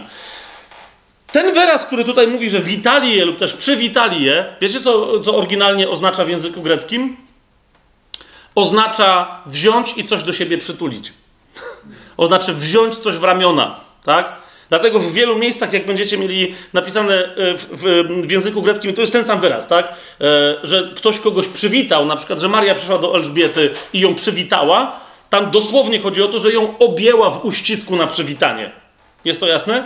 Więc zaraz zobaczcie jeszcze raz, co jest napisane o Abrahamie i pozostałej tutaj opisanej y, ekipie tych wszystkich proroków. Wszyscy oni umarli w wierze, nie otrzymawszy spełnienia obietnicy, ale z daleka je ujrzeli, ucieszyli się nimi i objęli je. Zdaje się, że nie chcę teraz przesadzić, ale ktoś może z Was sprawdzić. Wydaje mi się, że w oryginalnym tłumaczeniu w King James e, Bible, że, że tam jest właśnie, że, że, że, nie they greeted, ale embraced them, tak? Czyli właśnie, że, że objęli je, wzięli je, w, w, wzięli je e, w objęcia. I od tej pory wyznawali, że są obcymi pielgrzymami na tej ziemi. Okay? Doświadczyli, yy, doświadczyli właściwego skutku. Ok, czy jest to, jest to jasne dla nas, że nawet tak zamierzchłe postaci jak Abel, wobec tego jak Henoch, jak Noe i jak ojciec Abraham, że są bezpośrednio związani z koncepcją usprawiedliwienia z łaski przez wiarę? Jest to wystarczające, bo nie chcemy się dalej jeszcze głębiej tu wygrzebywać pewne rzeczy, bo potrzebujemy szerszego dowodu z innych postaci. Ale czy mamy to jasne? Mamy to? Amen? Jest amen? Jest? Bardzo. Okej, okay, dobra. To idziemy dalej. Teraz, kochani, kolejna rzecz. Ten sam Mojżesz, który napisał o tym Abrahamie, że on uwierzył Bogu w potomka, tak? Nie tylko w obietnicę potomka, ale co to jest za potomek? I dlaczego z niego wyrośnie tak cudowne potomstwo? I został, i, to, i ta wiara mu została poczytana za sprawiedliwość. Teraz wam powiem kolejną sensacyjną rzecz. Przynajmniej dla mnie to była sensacja, jak to odkryłem. Otóż wyobraźcie sobie, że Mojżesz, który następnie po księdze rodzaju, czyli po swojej pierwszej Mojżeszowej księdze, pisze księgę wyjścia, księgę kapłańską, księgę liczb. Wyobraźcie sobie, że ani razu w ogóle, mimo że tam mamy trzy księgi, które są aż gęste od prawa, gdzie jest opisane, jak prawo było dane, na czym ono polegało, jakie były jego przepisy, zgadza się? Ani razu nie pojawia się tam słowo sprawiedliwość. Ani razu. Znaczy, jakby było kompletnie niezwiązane z prawem. Mojżesz, tak? Po prostu świadomie nie łączy, w żadnej z tych ksiąg nie ma słowa cedaka, czyli, e, czyli sprawiedliwość. Pojawia się dopiero w Księdze Powtórzonego Prawa, czyli w piątej Mojżeszowej, ale chcę wam, czyli ktoś powie, a czyli jednak Mojżesz dał sprawiedliwość, ale zobaczcie w jakim kontekście. Otwórzmy sobie e, piątą Mojżeszową, czyli Księgę Powtórzonego Prawa, na szóstym rozdziale.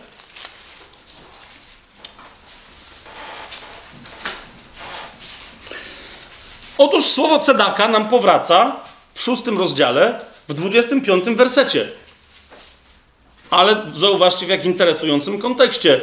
Otóż po, powraca jako świadectwo tego, że to Izraelici uznali przed Bogiem, że jeżeli uda im się wypełnić całe prawo, które dostali od Pana, to to będzie ich sprawiedliwość.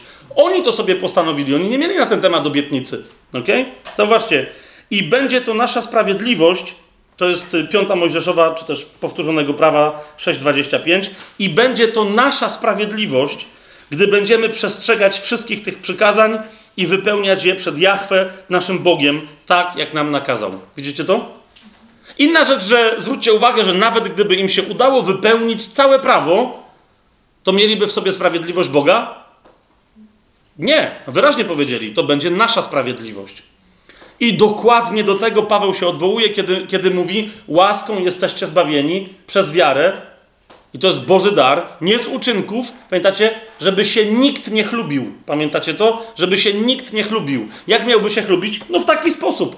Powiedziałby: Hej, Boże, dawaj mi y, wszystko to, co dla mnie masz. Dlaczego? Bo mi się to należy, bo sobie na to zasłużyłem, bo sobie na to zapracowałem. Paweł mówi: No ciekawe jak. Ok?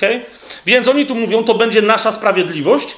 I teraz zauważcie, jak interesująca jest odpowiedź Boga na to w dziewiątym rozdziale tej księgi. Bo ci powiedzieli, wypełnimy całe prawo i to będzie nasza sprawiedliwość. A Bóg im tu interesującą rzecz przypomniał, to jest, bo, bo pamiętacie, gdzie oni dostali prawo? Na górze Synaj, tak? Czyli kiedy jeszcze byli na pustyni pod koniec e, Księga Powtórzonego Prawa to już jest, wiecie, zbliżanie się do końca życia Mojżesza. Nie będziemy teraz sobie przypominać dlaczego, ale pamiętacie to? Przejęcia władzy przez Jozułego i wejścia do ziemi obiecanej, do Kanaanu, przez, przejścia przez Jordan, ataku na... Yy, ataku na co? Na Jericho. Otóż to i tak dalej, i tak dalej. Więc oni już są, wiecie, po, po prawie 40 latach i mówią, my wypełnimy całe prawo, ale to prawo już przez długie lata mieli, przez prawie 40 lat. Tak, wchodzą do ziemi obiecanej i tuż przed tym wejściem Bóg im mówi następującą rzecz. To jest dziewiąty rozdział. Zauważcie, będziemy czytać od czwartego wersetu. Bo tam jest powiedziane, że Jachwę, wy się nie przejmujcie, wchodźcie do ziemi obiecanej, ponieważ Jachwę przed wami wypędzi wszystkie te ludy, które tam mieszkają. I mówi tak, czwarty werset. A kiedy już Jachwę, twój Bóg, wypędzi ich przed tobą, nie mów w swoim sercu dzięki mojej sprawiedliwości, tu się pojawia cedaka, nie mów w swoim sercu dzięki mojej sprawiedliwości Jachwę mnie wprowadził, żebym posiadł tę ziemię. ale z powodu niegodziwości tych narodów Jahwe wygnał je przed tobą. Swoją drogą, jakby ktoś, tak zupełnie na, na, na, marginesie mówiąc, jakby ktoś z was rozmawiał z ludźmi, czemu Bóg był taki niedobry i wypędził ludzi, żeby tam wprowadzić Izraela, jeszcze raz tu masz też odpowiedź, dlaczego wypędził tamte ludy, tak? Kilkaset lat się nad nimi litował, nad ich bestialstwem i miał cierpliwość dla ich potwornych grzechów, absolutnie odrażających. Wiele z tych rzeczy, które oni robili, naprawdę, nawet to, co robili Niemcy, było nie tylko porównywalne z tym, co robili Niemcy w obozach koncentracyjnych, z Żydami, z Polakami, z Cyganami i tak dalej, ale wielokrotnie było jeszcze gorsze niż to. Niekoniecznie tak masowe, ale te tortury, które zadawali niewinnym, na przykład dzieciom i tak dalej, były absolutnie często jeszcze gorsze niż to, o czym słyszeliśmy, że, że naziści robili. Tak? Więc jakby ktoś mówił, że no, Bóg jest niedobry, pierwszy raz. Dla nich był dobry i cierpliwy, ale, ale ile, ile miał czekać? Więc tamtych wypędził, wprowadza Żydów, ale mówi i jeszcze dalej poczytamy, yy, zobaczcie, piąty werset i dalej, aż do siódmego będę czytał. Nie dzięki swojej sprawiedliwości, ani prawości swojego serca wchodzisz, aby posiąść ich ziemię, ale z powodu niegodziwości tych narodów, Jahwe, Twój Bóg, wypędza je przed Tobą i aby dopełnić słowo, które Jahwe poprzysiągł Twoim ojcom, Abrahamowi, Izaakowi i Jakubowi. Czyli przede wszystkim to jest wina tych narodów. Po drugie, obiecałem coś Waszym ojcom, ale to nie ma niczego wspólnego z Wami i z Waszym przestrzeganiem prawa. Wiedz zatem, jeśli zauważ jeszcze dalej, Bóg to w kółko powtarza, wiedz zatem, z całą pewnością, tak? Wiedz, że nie dzięki Twojej sprawiedliwości Jachwę Twój Bóg daje Ci tę dobrą ziemię w posiadanie, bo jesteś ludem twardego karku. Pamiętaj, a nie zapominaj, jak pobudzałeś do gniewu Jachwę swojego Boga na pustyni. Od tego dnia, w którym wyszedłeś z ziemi Egiptu, aż do waszego przyjścia na to miejsce, buntowaliście się przeciwko Jachwę. Także przy chorebie, chodzi o górę, gdzie dostali prawo. Także przy chorebie pobudziliście Jachwę do gniewu i rozgniewał się Jachwę na was, także chciał was wytępić. I tu już Mojżesz osobiście mówi, kiedy wstąpiłem na górę, aby otrzymać kamienne tablice, tablice przymierza, które są też pra, tablicami prawa, mówisz od tego momentu. Przy samym momencie, jak prawo dostawaliśmy, już je prze, przekroczyliście. A potem co było? Wiecie o co chodzi? Jeszcze raz, Mojżesz znowu przywołuje słowo cedaka, czyli sprawiedliwość, ale mówi absolutnie sprawiedliwość, niezależnie od tego, co by Żydzi chcieli e, widzieć i sobie przepisywać, nie jest związane z ich wypełnianiem prawa, bo nigdy im się to, pod żadnym pozorem, nigdy im się to nie udało. Ok? I teraz bardzo szybki e, kurs, jeszcze raz, dla, z tego właśnie powodu, tak? Paweł ale nie tylko Paweł, bo także Pan Jezus jest bardzo surowy, gdy chodzi o prawo. Nie, niektórzy mówią, że Paweł atakuje prawo. Żeby pokazać, jak sprawiedliwy jest Bóg i na czym polega sprawiedliwość, usprawiedliwienie z łaski przez wiarę, że Paweł atakuje prawo. No więc otwórzmy sobie list do Rzymian. Nie tylko, ale zobaczmy, że Paweł nie atakuje prawa. Paweł mówi, że prawo jest święte i dobre, ponieważ pochodzi od Boga. Tylko mówi tylko od początku, że nie zostało posłane po to, żeby kogokolwiek uratować. Na tym polega problem. To wyście, mówi do Żydów, to wyście poplątali koncepcję. Po prostu. I zobaczcie teraz bardzo szybko, chciałbym, żeby, żebyśmy to zobaczyli, jak Paweł to podsumowuje. To jest Rzymian, trzeci rozdział, 20 werset. Paweł mówi tak. Dlatego z uczynków prawa nie będzie usprawiedliwione żadne ciało w jego oczach, czyli w oczach Bożych, gdyż przez prawo jest poznanie grzechu. Z pierwsza rzecz, o której mówi, bo Paweł o prawie mówi w różnych miejscach, ale chodzi o to, że chce wskazać na takie najbardziej charakterystyczne. On mówi, to co robi prawo człowiekowi, to mu unaocznia, na czym polega grzech. Wiecie, czasem ktoś robi jakieś dziwne rzeczy i nie wie, że robisz złe rzeczy. To póki mu nie powiesz, to i to jest dozwolone, a to i to nie, mówię, o okej, okay, no po coś mi to gadał. Teraz, prze... no wiecie o co idzie, tak? Tymczasem już Rzymianie świetnie wiedzieli, że nieznajomość prawa nie zwalnia z przestrzegania go, tak? Jak nie wolno przechodzić y, w jakimś tam miejscu przez jezdnię, nieoznaczonym i cię złapie policjant, a jak jest... Mnie kiedyś tak złapał, no nie? Szedłem, to jeszcze do liceum chodziłem i szedłem do... Byłem w pierwszej klasie w w liceum Sobieskiego, tak, w Krakowie.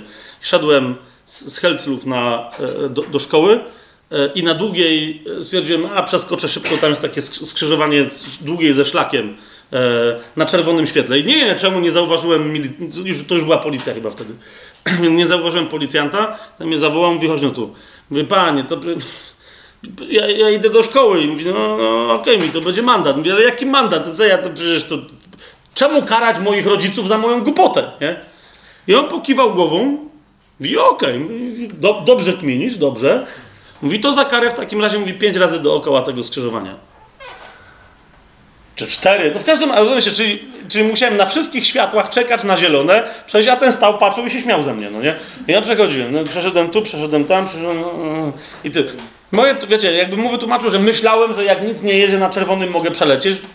Wie, wiecie o co mi chodzi? Jego to nie obchodziło, tak? Czy ja znam to prawo, czy nie znam.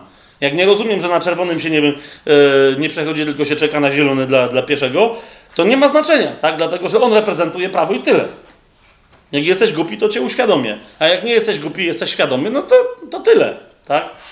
Prawo w niczym mi nie pomaga, nadal mam wolną wolę. No i myślicie, że ucieszyłem się tylko jak głupek, tak, że nie zapłaciłem mandatu. Myślicie, że to było ostatni raz, że, że w życiu na czerwonym przelatywałem? No, no właśnie, no właśnie. No nie? E, to, jest to, co tu Paweł mówi. Prawo przez prawo jest poznanie grzechu. To jest jedna bardzo istotna rzecz. Dalej, Rzymian, siódmy rozdział. Przeskoczmy tam szybciutko. To nie, to nie jest cały dyskurs Pawła na temat prawa, ale tylko najważniejsze rzeczy chcę, chcę zaznaczyć. To jest siódmy rozdział, yy, szósty werset. No i trochę poczytamy do czternastego wersetu, bo to jest bardzo ważna wypowiedź Pawła na temat prawa. Rzymian, siódmy rozdział, szósty werset do czternastego. Paweł mówi tak: Teraz zostaliśmy uwolnieni od prawa, gdy umarliśmy dla tego, w czym byliśmy trzymani, abyśmy służyli Bogu w nowości ducha, a nie w starości litery. O, interesujące. I on dalej rozwija tę myśl. Cóż więc powiemy, że prawo jest grzechem? Nie daj Boże. Właśnie widzicie, to, to, to jest to. No. Bo, bo jemu chodzi o to, że kto jest ochrzczony, jest w świecie duchowym rozpoznany jako fizycznie martwy. To jest szósty rozdział. Wszyscy wiedzą, o, o, o czym mówimy? Ok, więc w liście do Rzymian w szóstym rozdziale Paweł mówi, że przez chrzest człowiek duchowo, nawet jak jeszcze fizycznie żyje, jest rozpoznany jako fizycznie martwy. I dlatego od tej pory nie podlega pod prawo, no bo żaden trup nie podlega pod prawo. Po prostu, tak? W związku z tym też nie może grzeszyć. I do tego się Paweł tu odwołuje. Zostaliśmy uwolnieni od prawa, bo umarliśmy dla tego, w czym byliśmy trzymani. I dalej rozwija. No ale mówi, tylko nie zrozumcie, że ponieważ umarliśmy dla prawa, to prawo było grzechem, bo tak nie jest. I dalej mówi. Nie daj Boże, przeciwnie, nie poznałem grzechu, jak tylko przez prawo. Bo i o porządliwości nie wiedziałbym, gdyby prawo nie mówiło, nie będziesz pożądał. A więc tutaj Paweł rozwija tę myśl z trzeciego rozdziału, jak przez prawo przychodzi poznanie grzechu. Lecz grzech kiedy zyskał okazję poprzez przykazanie, zwróćcie uwagę na to, wzbudził we mnie wszelką porządliwość. Ja mówię, to jest kolejna rzecz. Grzeszna natura człowieka, kiedy nie wie, jak prawo definiuje grzech, to grzeszy. Kiedy przychodzi prawo, Paweł mówi, grzeszna natura przez prawo rozpoznaje, na czym polega jej grzech. Ale dzieje się coś jeszcze gorszego. Jak już wie, czego nie wolno, ponieważ grzeszna natura jest naturą buntowniczą. O to chodzi to to podpala jej bunt, żeby jeszcze bardziej grzeszyć. Jak już wie, co jest grzechem, to jeszcze bardziej chce tego, co jest grzechem. Tak? I jemu o to chodzi. Mówi, przez prawo, yy, siódmy werset, tak? Porządliwo, o porządliwości bym nie wiedział, gdyby prawo nie mówiło, nie będziesz pożądał. Ale jak już poznałem prawo, że jest takie, ósmy werset, lecz grzech, gdy zyskał okazję przez przykazanie, bo się dowiedział, a, czyli to jest złe, ok? Wzbudził we mnie wszelką porządliwość. Kiedyś była jakiegoś jednego rodzaju, czy tak? A mówię, a teraz każdy rodzaj porządliwości nagle, mnie po, nagle został, podekscytował moje ciało. Dlaczego? No bo było ciałem buntownika. I dalej mówi, yy, yy, bez prawa bowiem grzech jest martwy. Widzicie to? I dlatego jedynym sposobem na to, żeby móc ciało wreszcie poprowadzić pod posłuszeństwo duchowi, żeby żyło według prawa ducha, a nie prawa legalistycznego, religijnego, jedyny sposób to jest przejście przez chrzest. Postanowienie, żeby nie czekać na swoją fizyczną śmierć, ale żeby od momentu chrztu żyć fizy jakby fizycznie, jakbym był fizycznie martwy, a był tylko i wyłącznie duchowym e, stworzeniem. I Paweł dalej mówi: I ja żyłem kiedyś bez prawa, lecz gdy przyszło przekazanie, grzech ożył, a ja umarłem. I to w złym sensie, tak? I okazało się, że przykazanie, które miało być ku życiu, jest mi ku śmierci. Grzech bowiem, gdy zyskał okazję przez przykazanie, zwiódł mnie i przez nie, przez to przykazanie mnie zabił. Dlaczego? Bo teraz, kiedy już wiedziałem, co jest grzechem i wiedziałem, że przekraczam przykazanie i występuję przeciwko niemu, wtedy stosuje się zasada, 6 rozdział 23, werset listu do Rzymian, zapłatą bowiem za grzech jest śmierć. Tak? I o tym Paweł mówi. Że dopóki żyjesz w ciele, podlegasz pod prawo, wiesz czy nie wiesz, jak grzeszysz, zapłatą za to jest śmierć. W momencie, kiedy przyjmujesz odkupieńczą śmierć Chrystusa za siebie, wówczas ona wyzwala cię z, konieczności umierania za swoje grzechy, bo on już za ciebie umarł, tak? A przeprowadza cię w kompletnie nowe życie. I teraz zauważcie bardzo istotna rzecz, 7 rozdział, 12 werset. A tak, powiada Paweł, prawo jest święte i przekazanie, przekazanie jest święte, sprawiedliwe i dobre. Tak, ono nie zachęcało do niczego złego, ale tylko wskazując na to, co nieświęte, powodowało, że nieświęte ciało było tylko i wyłącznie pobudzone do jeszcze większego buntu. 13 i 14 werset i, i, wychodzimy z tego fragmentu. Czy więc to, co dobre, stało się dla mnie śmiercią? Nie daj Boże. Bo on mówi, to nie prawo mnie uśmierciło, ale to, co zrobiłem pod prawem, tak? Przeciwnie, grzech, aby okazał się grzechem, sprowadził na mnie śmierć przez to, co dobre, czyli przez prawo. Żeby grzech stał się niezmiernie grzesznym przez przykazanie. Gdyż wiemy, że prawo jest duchowe, ale ja jestem cielesny, zaprzedany grzechowi. Cieleśnie człowiek jest zaprzedany grzechowi. Ciało, to ciało, stare ciało, ono nigdy nie zostanie zbawione, tak? Jego przeznaczeniem jest śmierć, a naszym przeznaczeniem jest zmartwychwstanie w nowych ciałach, tak? Rozwiązaniem na to ciało jest śmierć. Teraz jak to zrobić, żebyśmy jeszcze wypełnili jakieś rzeczy w, w, tym życiu, a nie zmagali się, tak jak Paweł w siódmym rozdziale listu do Rzymian opisuje zmaganie między duchem a ciałem? No, szósty rozdział mówi, kluczem do tego jest chrzest, chrzest wodny. I to, co on oznacza, czyli schronienie się w śmierci Chrystusa, żeby móc żyć od tej pory nowym życiem e, w Jego zmartwychwstaniu. I dlatego w liście do Rzymian Paweł po, po tym rozważaniu, na czym to polega, w ósmym e, rozdziale mówi następującą rzecz, trzeci i czwarty werset, zauważcie. I prawo było święte, ale ono nie było dane jakkolwiek, żeby nam pomóc w świętym życiu. Więc podsumowuję to w ten sposób. List do Rzymian 8, 3, 4. Co bowiem było niemożliwe dla prawa. I zwróćcie uwagę na to, w czym było ono słabe z powodu ciała. Bo on mówi, prawo było święte samo w sobie, ale, ale ono nie wiedziało, jak sobie poradzić z ciałem buntownika. Jest to jasne? Jest to jasne, o czym, o czym mówimy? A więc mówi, co bowiem było niemożliwe dla prawa, w czym było ono słabe z powodu ciała, Bóg, posławszy swojego Syna w podobieństwie grzesznego ciała i z powodu grzechu, potępił grzech w ciele.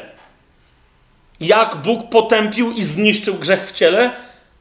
Zamieniając fizycznie Chrystusa na krzyżu w grzech. O czym mówi Paweł w liście do drugim do Koryntian. Tak? Mówi, on się stał grzechem, żeby umierając, grzech też również został kompletnie zniweczony i żeby zapis dłużny, jak gdzie indziej Paweł napisze, został kompletnie wymazany. Amen?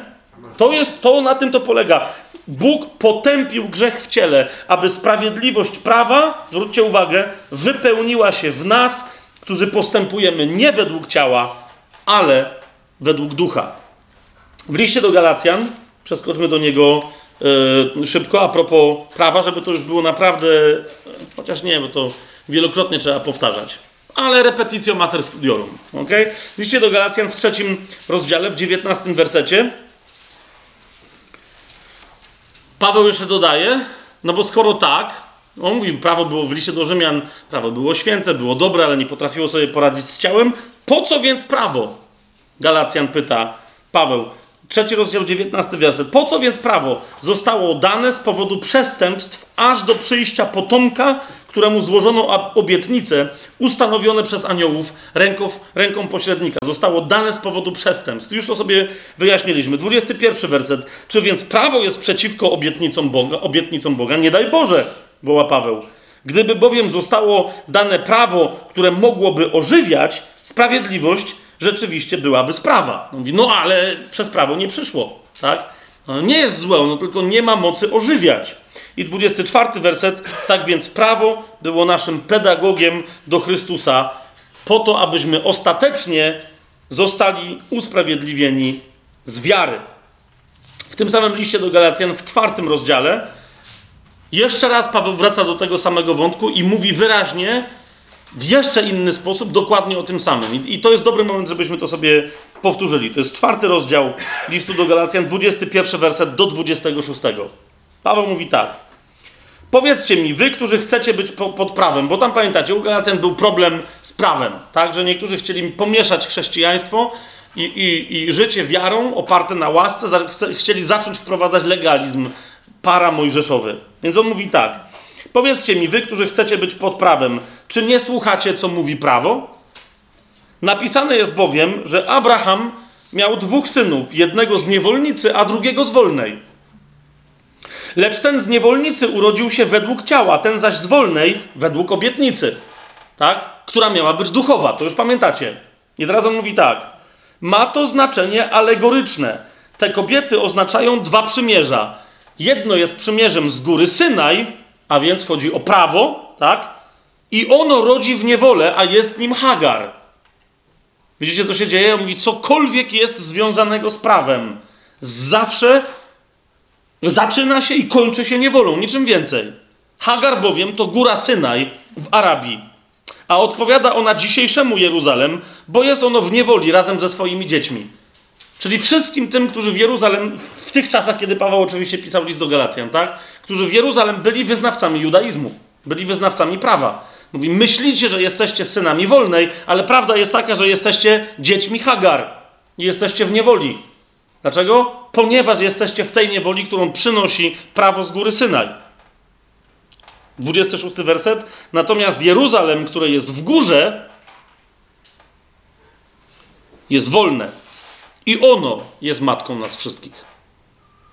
To Jeruzalem nie ma niczego wspólnego. To Jeruzalem nie ma niczego wspólnego z prawem, które wyszło z Synaju. O tym jeszcze więcej y, będziemy mówić. List do Hebrajczyków sobie otwórzmy, siódmy rozdział. Tam jest jeszcze jeden komentarz. Bo niektórzy y, powiadali, że no dobrze, dobrze, ale, e, ale kapłaństwo. Było kapłaństwo. Nie, widzicie, Kościół, e, religia rzymskokatolicka to jest tęsknota po tym, co w cudzym słowie obaliło chrześcijaństwo. To jest tęsknota za tą doskonałą religią, którą dawał judaizm.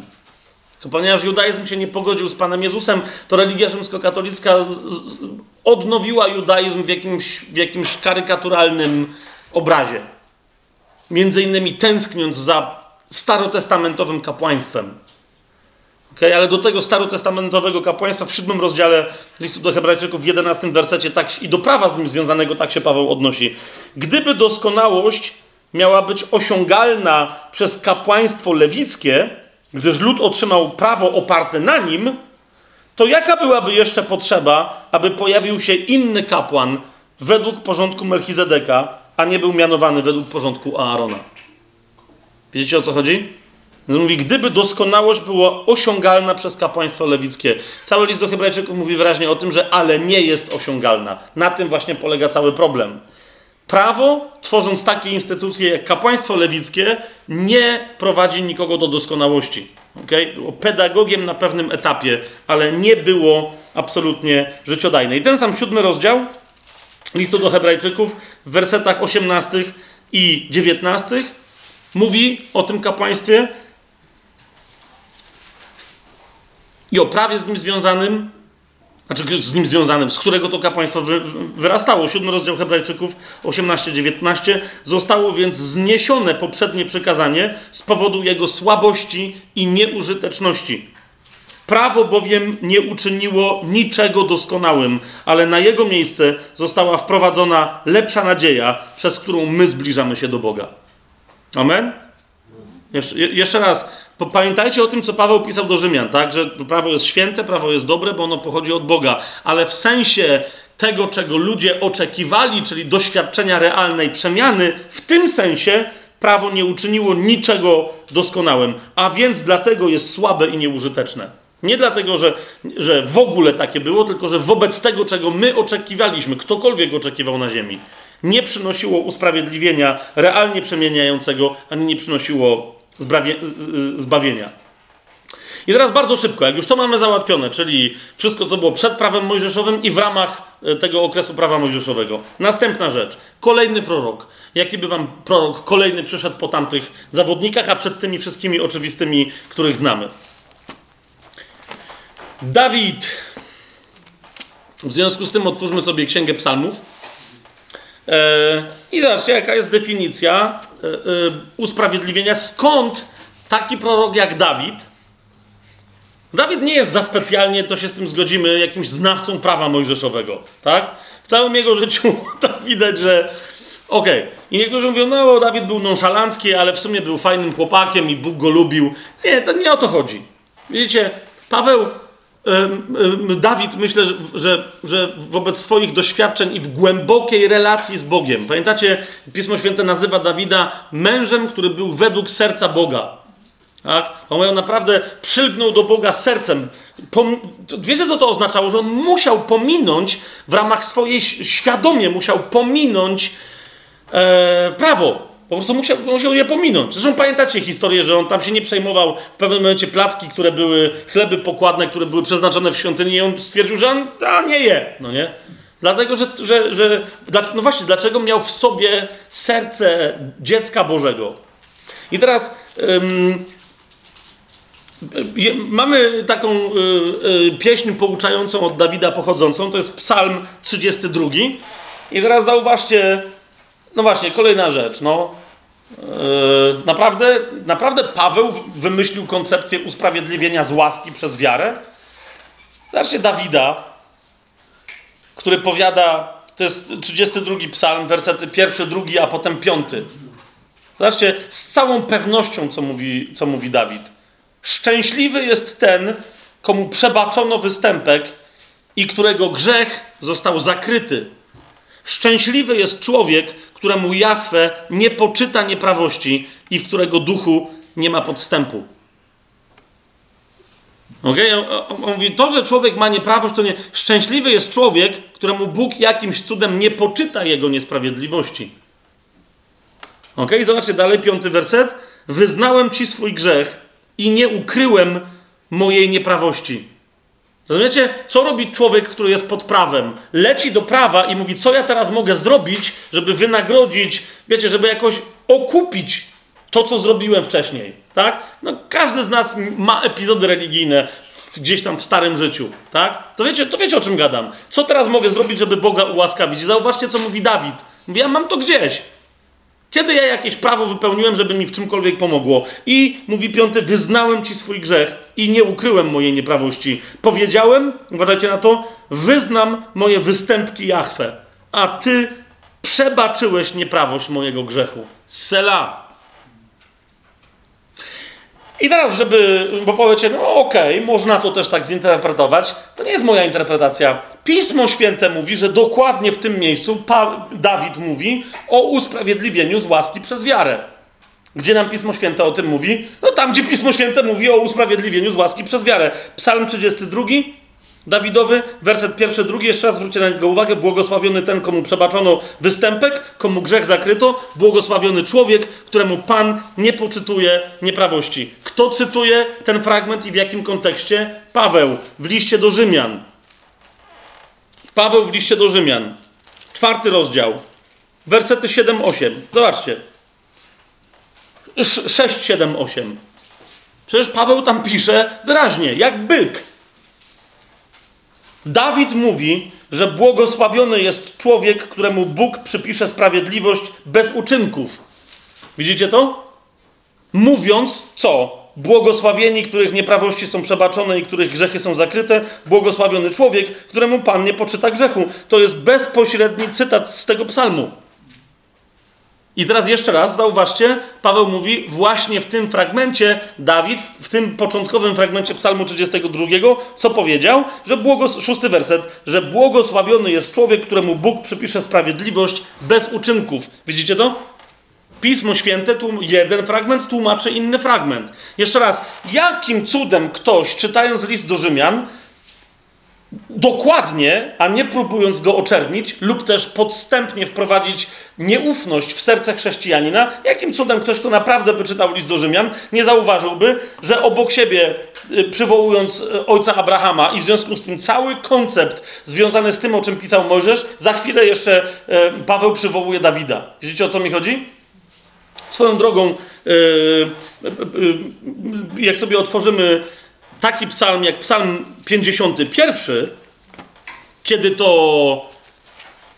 No nie wiem, jak ktoś z Was był w ciężkiej religii jakiejś, e, rzymskokatolickiej, tu się niektórzy rzymscy katolicy uśmiechają, u świadków Jehowy i tak dalej, jak to, to pomyślcie sobie, nie mając, nie mając usprawiedliwienia w krwi Chrystusa, co by się z wami działo? Nie wiem, czy to jest dobry pomysł, żeby sobie takie rzeczy przypominać, ale może dobrze, żeby być jeszcze raz tym bardziej wdzięcznym za, za, za, za, za Kalwarię i za jej prawdziwe znaczenie. Co rzymski katolik musiałby robić? E, jak się czuć? Co musiałby tam kombinować? Świadek Jehowy, ktokolwiek inny, gdyby, yy, gdyby uwiódł cudzą żonę, a potem jeszcze tego chłopa, co mu uwiódł tę żonę, jeszcze by zabił. Zrozumiecie, co się dzieje? Coś mi poszedłby do spowiedzi, no, kto z was chodził do spowiedzi, to wie, co tam jest grane. Taka pokutka po takiej spowiedzi, cokolwiek by to nie było. A, znam ludzi, którzy się latami mordowali, nie z takim grzechem.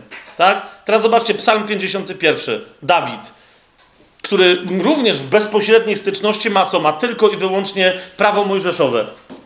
Przypis pod psalmem 51 mamy przewodnikowi chóru. Jest to psalm Dawida, gdy do niego przyszedł prorok Natan po tym, jak on wszedł do Batrzeby. Tak? Pamiętacie, Natan przyszedł i mu opowiada o, tej, o, o, o tym facecie, co miał owieczkę i o drugim, co miał wielkie stada i ten temu wziął. No, pamiętacie to? I, I Dawid wtedy w całej sprawiedliwości mówi, no sto z nim, pod gilotynę, a Natan mówi, no to fajnie, ale to ty jesteś. I ten nagle mówi, a zaraz, rzeczywiście, to... I to jest psalm, w którym Słowo Boże nam mówi, że, że, że, się po, że wypłynął z serca Dawida po tym, jak sobie uświadomił, co zrobił. Tak?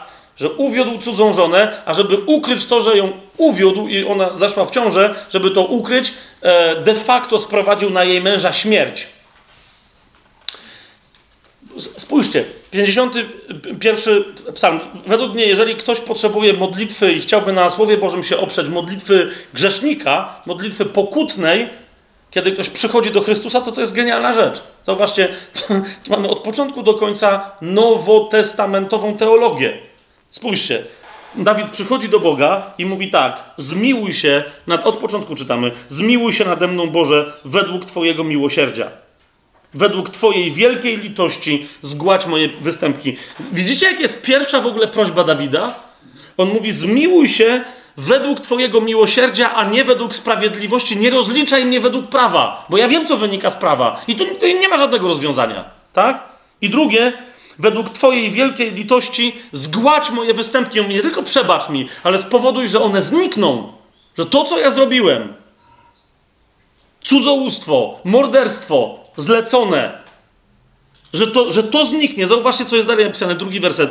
Obmyj mnie kompletnie z mojej nieprawości i oczyść mnie z mojego grzechu. Zauważcie, Dawid prosi nie tylko o zniszczenie, zniwelowanie, kompletne wymazanie swoich grzechów, ale tego, co jest źródłem tych konkretnych grzechów w jego życiu, czyli żeby został uwolniony od swojej grzeszności samej w sobie z mojej nieprawo, oczyść mnie z mojego grzechu. Jeszcze będziemy o tym mówić następnym razem, o tej różnicy w Biblii, co to znaczy, kiedy Biblia mówi o grzechach w liczbie mnogiej, a kiedy mówi o grzechach w liczbie pojedynczej. Ok? Zauważcie, występki są w liczbie mnogiej w pierwszym wersecie, grzech w drugim wersecie jest w liczbie pojedynczej. I teraz, i teraz Dawid mówi, dlaczego, dlaczego ty Boże miałbyś to zrobić? Prosty powód, trzy, bo uznaje moje występki a mój grzech zawsze jest przede mną. Nie zasłaniam się prawem, nie szukam teraz ofiary, która miałaby to zmazać. Ja się w ogóle na tym nie polegam. Polegam tylko i wyłącznie na Tobie. Zauważcie, co jest grane. To jest prorocze mówienie o tym, co dopiero Jezus nam zapewnił. Przeciwko Tobie. Zauważcie, co się dzieje, o czym Dawid mówi. Ja wiem, że ostatecznie każdy grzech, niezależnie od tego, jak zrani jakąś osobę, jak zraniłem Batrzebę, jak zraniłem jej, jej męża yy, Uriasza, mówi, to wszystko jest nieważne wobec tego, jak przez te moje grzechy zraniłem Ciebie. I jak to zerwało moją więź z Tobą, przeciwko Tobie, mówi, Tobie samemu zgrzeszyłem i zło uczyniłem na Twoich oczach. Po co?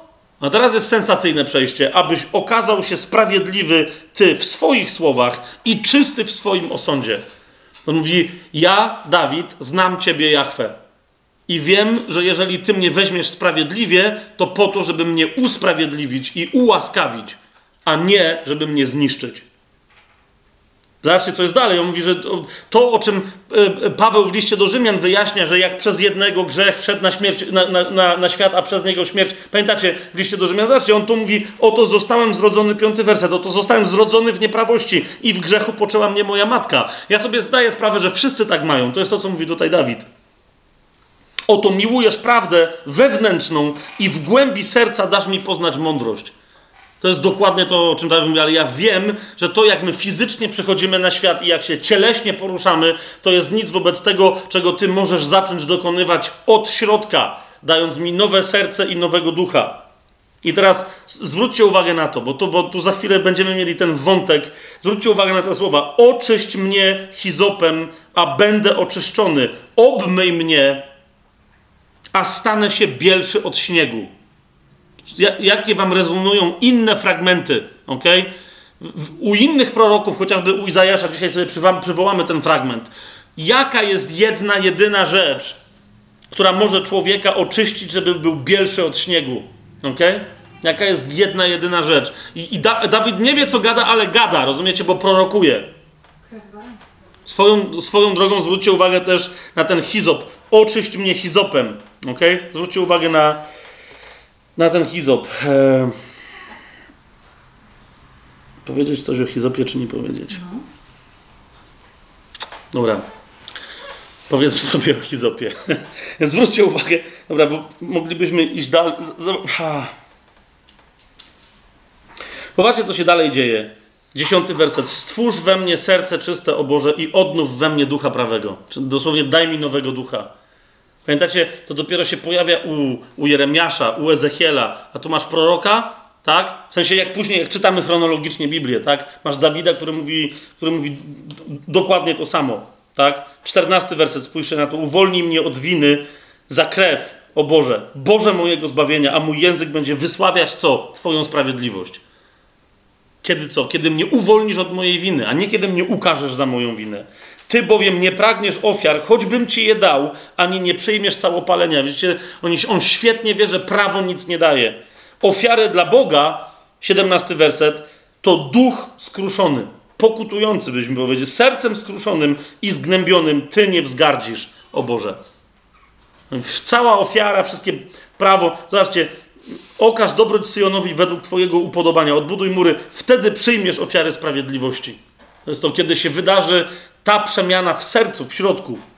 Ok, ale myślę, że warto się odwołać tutaj do tego wątku, ponieważ e, Dawid woła bezpośrednio do Boga, mówi: Oczyś mnie hizopem, siódmy werset, 50, psalm, siódmy werset. Oczyś mnie hizopem, a będę oczyszczony. Obmyj mnie, a stanę się bielszy od śniegu. Jest to dosyć bezczelne, ponieważ pokropienie hizopem w prawie mojżeszowym było e, zarezerwowane dla, dla paru wątków Począwszy od tego, że hizopem kropił Mojżesz lud, który wołał Amen na prawo Boże, na samym początku. Później pokropienie hizopem przy pomocy wody to było pokropienie na przykład dla, dla trędowatego, którego się uznało za oczyszczonego i tak dalej, i tak dalej. Ale to były rzadkie wątki, tak?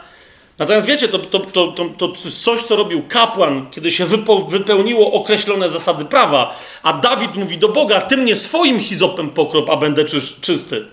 Tak? Co, co Dawid tu proroczo zapowiada? Y, żeby, bo nie będziemy teraz przechodzili przez księgę liczb i tak dalej. E, od razu przeskoczmy do, do, do listu do Hebrajczyków z, z powrotem. I zobaczcie, jak o pokropieniu hizopem e, pisze Paweł. I pamiętajcie to, co powiedział Dawid. Tak, po, ty mnie pokrop hizopem tak, jak ty chcesz, a ja się stanę czysty. To jest dziewiąty, yy, dziewiąty rozdział listu do, listu do Hebrajczyków. 19 werset. Na razie 19 i 20 werset, tak? W liście do Hebrajczyków tak się na temat pokropienia hizopem wypowiada Paweł. Hebrajczyków 9, 19, 20. Gdy bowiem Mojżesz ogłosił całemu ludowi każde przykazanie zgodnie z prawem, wziął krew cieląt i kozłów z wodą, wełną szkarłatną i hizopem i pokropił zarówno samą księgę, jak i cały lud, mówiąc, to jest krew przymierza, które Bóg dla was ustanowił. Widzicie to? O co chodzi? Krew przymierza jakiego? Starego, które polegało na tym, że Mojżesz pokropił lud. To było pierwsze pokropienie, to było pierwsze pokropienie hizopem, tak? Jeszcze zwróćcie uwagę, jeszcze raz tutaj na to, co to było. Wziął, 19 werset, wziął krew kogo? Cieląt i kozłów, tak? Pomieszaną z wodą. Zanurzył, tam była taka gałązka, wełną szkarłatną i hizopem e, zanurzył je tam i pokropił potem cały lud, tak? To było, to było przymierze mojżeszowe. Ale Dawid nie odwołuje się do tego przymierza, tylko mówi do Boga, ty mnie pokrop. Tak? Zauważcie, list do Hebrajczyków, dziesiąty rozdział, co dalej mówi. Czwarty werset. A propos tamtego pokropienia, najpierw mówi tak. Niemożliwe jest, aby krew wołów, no to czy też cieląt, to na to samo wychodzi. Niemożliwe jest, aby krew wołów i kozłów gładziła grzechy. I zauważcie, w 51 psalmie Dawid o tym świetnie wie. I dlatego nie mówi, odnów we mnie pokropienie mojżeszowe, ale mówi, ty mnie pokrop swoim hizopem. ok? Zobaczcie, dziewiąty werset do trzynastego. To jest nowe pokropienie.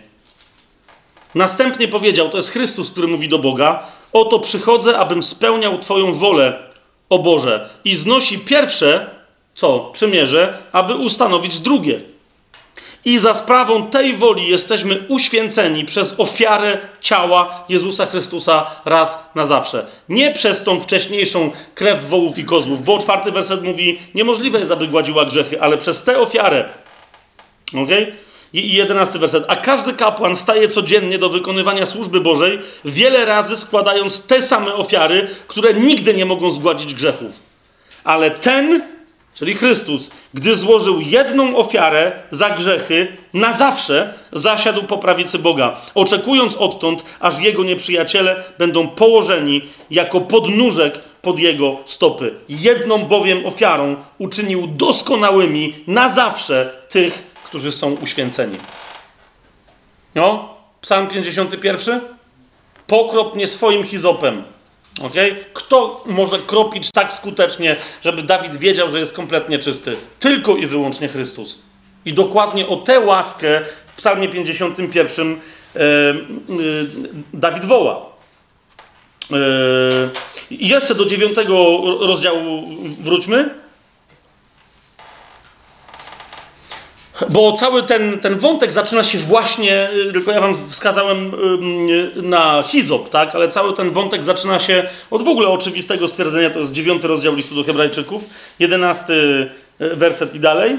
Chrystus, gdy przyszedł jako najwyższy kapłan dóbr przyszłych, przez większy i doskonalszy przybytek, nie uczyniony ręką, to jest nienależący do tego budynku, ani nie przez krew kozłów i cieląt, ale przez własną krew wszedł raz do miejsca najświętszego, zdobywszy wieczne odkupienie.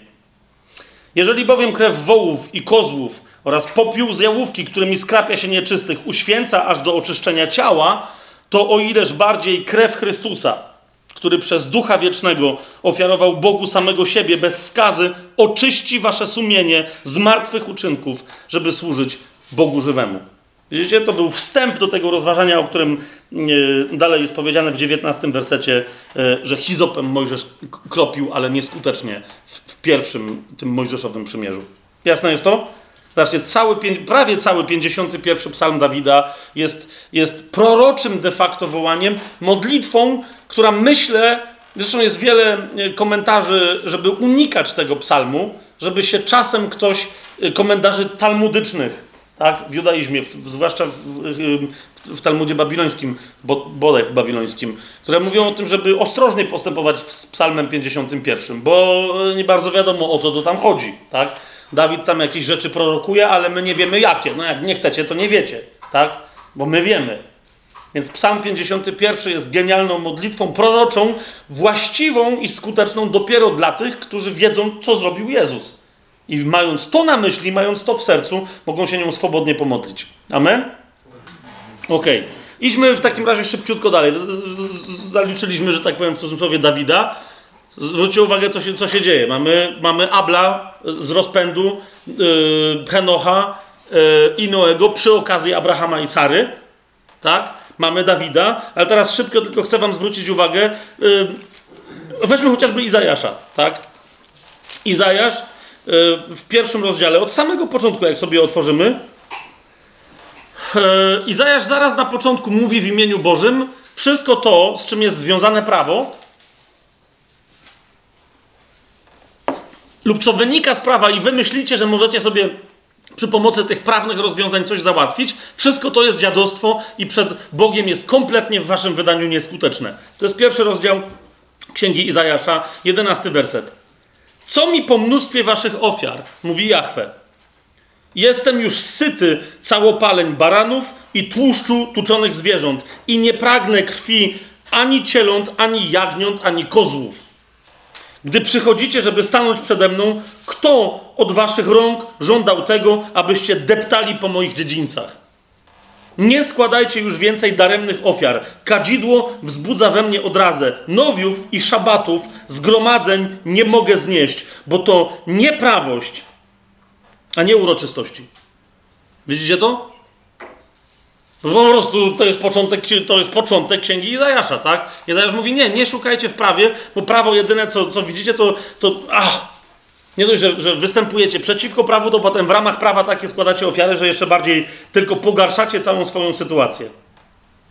I teraz wobec takiego stanu rzeczy yy, Izajasz mówi, no nie tędy droga. Przyjdźcie do Boga osobiście. Zobaczcie, pierwszy rozdział, 18 werset.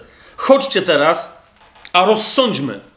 Niektórzy będą mieli tłumaczenia: przyjdźcie i pokłóćcie się ze mną.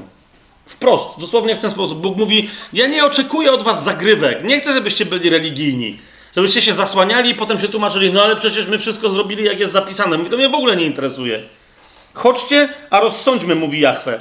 I teraz zobaczcie, co się tu dzieje. Chociażby wasze grzechy były jak szkarłat. Pamiętacie, ostatnio mówiliśmy o tym robaku, który się nazywa Towla, o którym Pan Jezus Yy, co Dawid proroczo usłyszał i zapisał w Psalmie 22, o którym Pan Jezus przypomina, mówiąc: Ja jestem robak, a nie człowiek. I on się posługuje tam dokładnie tym określeniem: Ja jestem towla, a nie człowiek. Równie dobrze można było przetłumaczyć: Ja jestem szkarłat, a nie człowiek. Tak? Mamy po polsku określenie czerw. Yy, bo oryginalnie to są te, te, te robaczki, ostatnio tłumaczyłem, teraz już nie będę tego, tego powtarzał, z których oryginalnie, zanim powstały nowe techniki historyczne, z których oryginalnie wyrabiało się szkarłat. Tak? I teraz, I teraz Bóg mówi, chociażby wasze grzechy były jak szkarłat, jak śnieg wybieleją, choćby były czerwone jak karmazyn, staną się białe jak wełna. Ok? I teraz no ale dopiero co powiedział, że to się nie dzieje przez ofiary składane zgodnie z prawem. No to o co w takim razie Bogu chodzi? Otóż Izajasz idzie dalej, to jest drugi rozdział, trzeci werset. Między innymi, a teraz naprawdę, wiecie, że Izajasz to jest ewangelista wśród proroków, tak? Więc yy, kto chce, to sobie może odnowić wprowadzenie do księgi Izajasza. Nie pamiętam, w którym to było sezonie, i tam żeśmy na temat tego, o czym Izajasz naucza, zwłaszcza w odniesieniu do Pana Jezusa, tam mówiliśmy więcej. Ale zwróćcie uwagę na, na przykład na taki fragment. Drugi rozdział, trzeci werset. I pójdzie wiele ludów i powie: Chodźcie, wstąpmy na górę Jachwę, do domu Boga Jakuba. On będzie nas uczył swoich dróg, a my będziemy kroczyli jego ścieżkami. I teraz uważajcie na to zdanie. Z Syjonu bowiem wyjdzie prawo, a słowo Jahwe z Jeruszalaim. Izajasz, jakby y, dla nas niezwiązanych z prawem, to tak przechodzi, idziemy, czytamy dalej. Ale tu Izajasz mówi rzecz absolutnie wstrząsającą i do szpiku kości poruszającą każdego y, wyznającego judaizm Żyda. Jak to słowo jak to prawo wyjdzie z Syjonu? Przecież prawo wyszło z Synaju. A Izajasz mówi, nie, prawo dopiero wyjdzie, zupełnie inne. I o tym prawie, bo ono wyjdzie, ok? Z, z tej góry, która jest górą Moria, na której kiedyś Abraham myślał, że ma składać swojego syna w ofierze, a wtedy się dowiedział, Jachwę upatrzy sobie baranka. I potem na tej samej górze, która jest górą Syjon, o której Paweł w liście do Galacjan przypominał. Z tej góry wychodzi prawo. Z tego samego miejsca, na którym Jachwę upatrzył sobie baranka, a tym barankiem niepokalanym był jego własny syn wcielony, Jezus, który jest Mesjaszem. I to jest miasto oryginalnie, okay, z, z którego wyszło słowo Jachwę na cały świat. Będziecie mi świadkami. Pamiętacie, co potem mówi Pan Jezus, początek dziejów apostolskich? Będziecie mi świadkami gdzie? W Jerozolimie, w Judei, w Samarii i aż po krańce ziemi.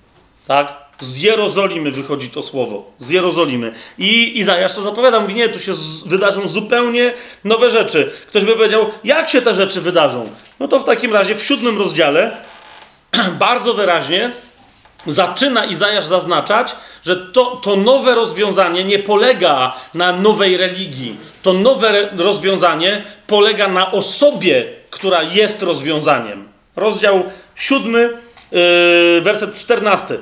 Dlatego sam Pan da wam znak. Oto dziewica pocznie i urodzi syna i nazwie go Emmanuel. Później w Nowym Przymierzu dowiemy się, to znaczy Bóg z nami. To jest rozwiązanie. Urodzi się człowiek, a to będzie Bóg z nami. Okay? To niektórzy mówią, co, jak to Izajasz 9 rozdział.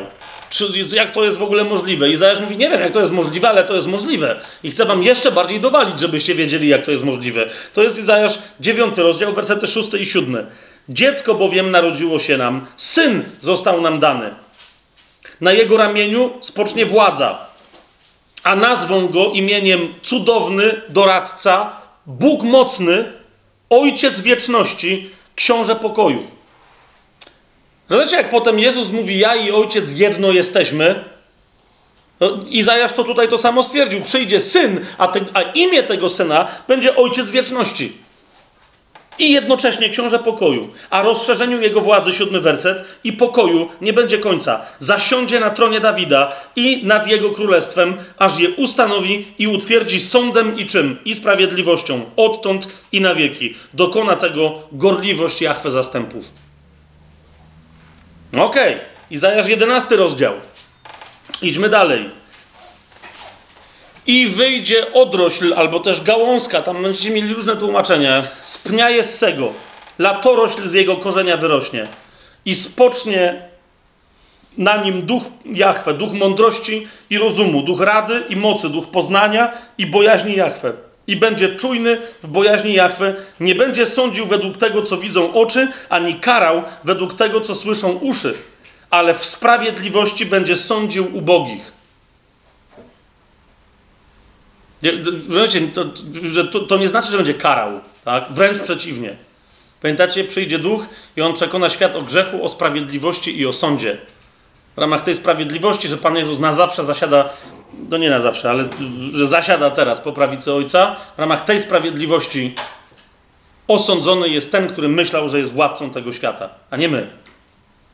W sprawiedliwości będzie sądził ubogich, a w prawości będzie rozstrzygał sprawy cichych na ziemi. Uderzy ziemię rózgą swoich ust, a tchnieniem swoich warg zabije niegodziwego. Jak przyjdziemy w pewnym momencie mm, y, do zapowiedzi u Pawła na przykład, w jaki sposób Pan Jezus zgładzi antychrysta, to dokładnie tu mamy to napisane. Tchnieniem swoich warg zabije niegodziwego. Paweł powie, wręcz samym objawieniem swojego przyjścia. Tak? Odetchnie, wypuści powietrze, wejdzie, a tam niegodziwiec już nie będzie istnieć.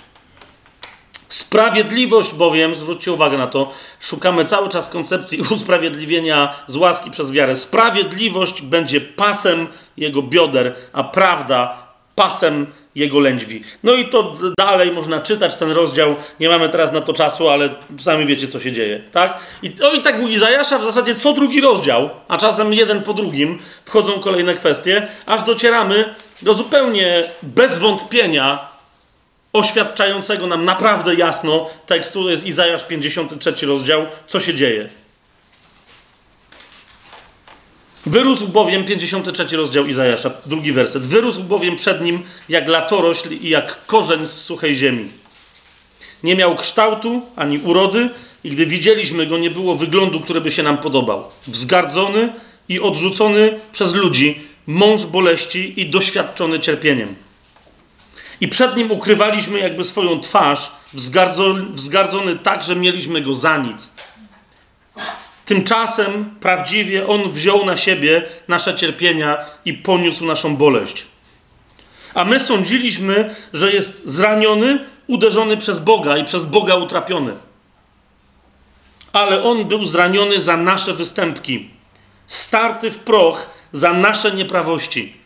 Kara dla naszego pokoju spadła na Niego i Jego ranami zostaliśmy uzdrowieni. To, to o tym człowieku od początku Izajasz mówi. O tym cudownym doradcy. O tym księciu pokoju. Dlatego on jest księciem. Mówi o całym jego dziele. Wszyscy jak owce zbłądziliśmy, każdy zboczył na swoją drogę, a Jahwe na niego włożył nieprawość nas wszystkich. Jeżeli ktoś potrzebuje innej definicji usprawiedliwienia z łaski przez wiarę niż pochodzącą od Pawła, niech sobie otworzy 53 rozdział Izajasza. Amen? I niech nie opowiada bzdur, że, że, że, że Paweł wymyślił usprawiedliwienie z łaski przez wiarę. Uciśniony i gnębiony, ale nie otworzył swoich ust. Jak baranek prowadzony na rzeź i jak owca przed tymi, którzy ją strzygą. Zamilkł i nie otworzył swoich ust. Został zabrany z więzienia i z sądu. Kto wypowie jego pokolenie? To jest ten jeden, który będzie mieć liczne potomstwo. Co zobaczył Abraham. Został bowiem wyrwany z ziemi żyjących i zraniony za przestępstwo nie swoje, ale mojego ludu. I wyznaczono mu grób z niegodziwcami, a z bogaczami była jego śmierć.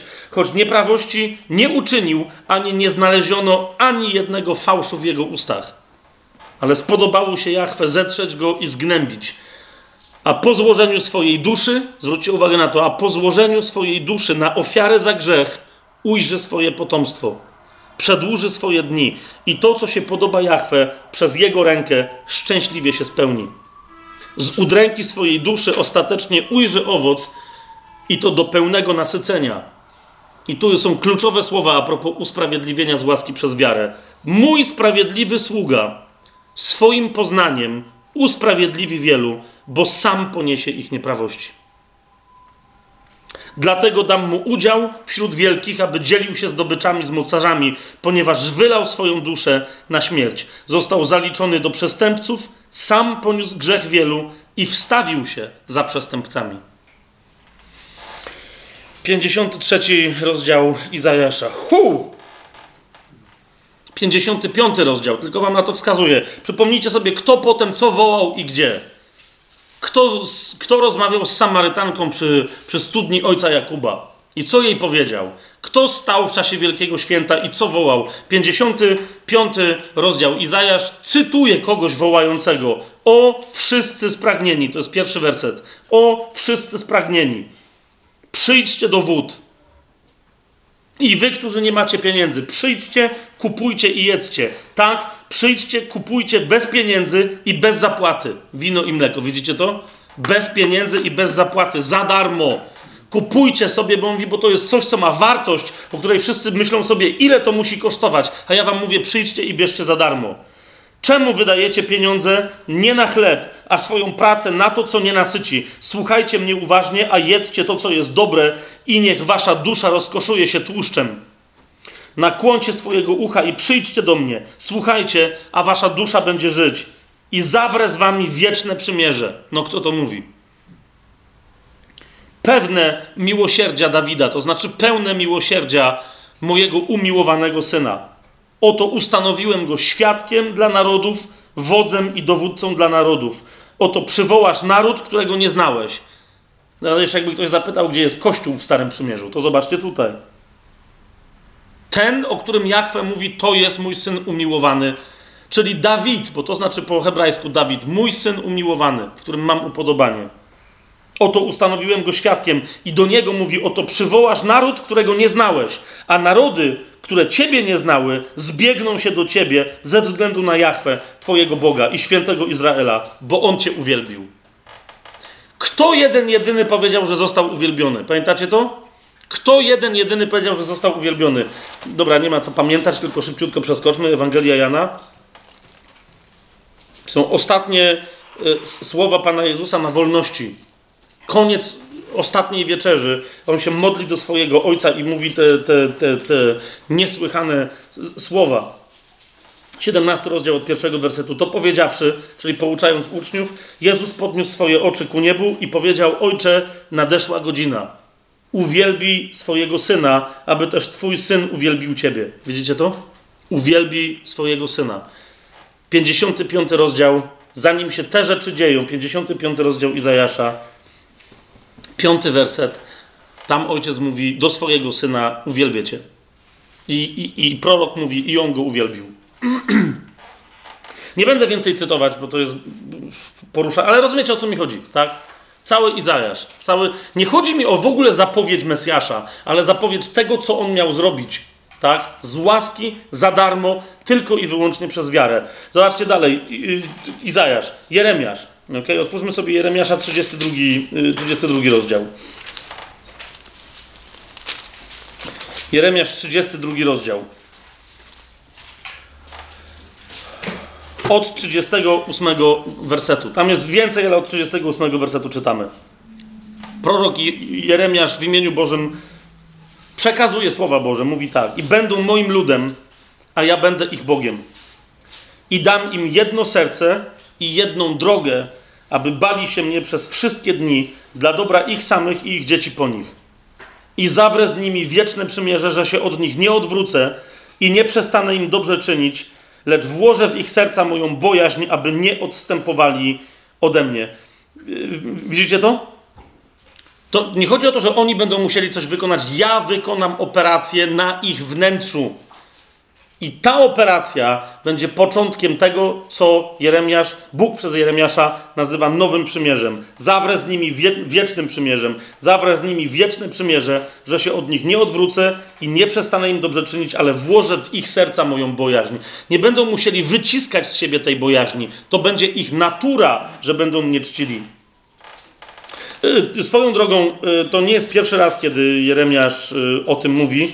W 23 rozdziale w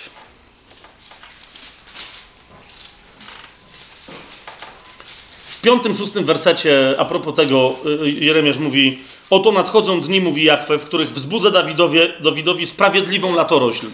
Ta sama latorośl, którą Izajasz zapowiadał. Odrośl, latorośl, gałązkę.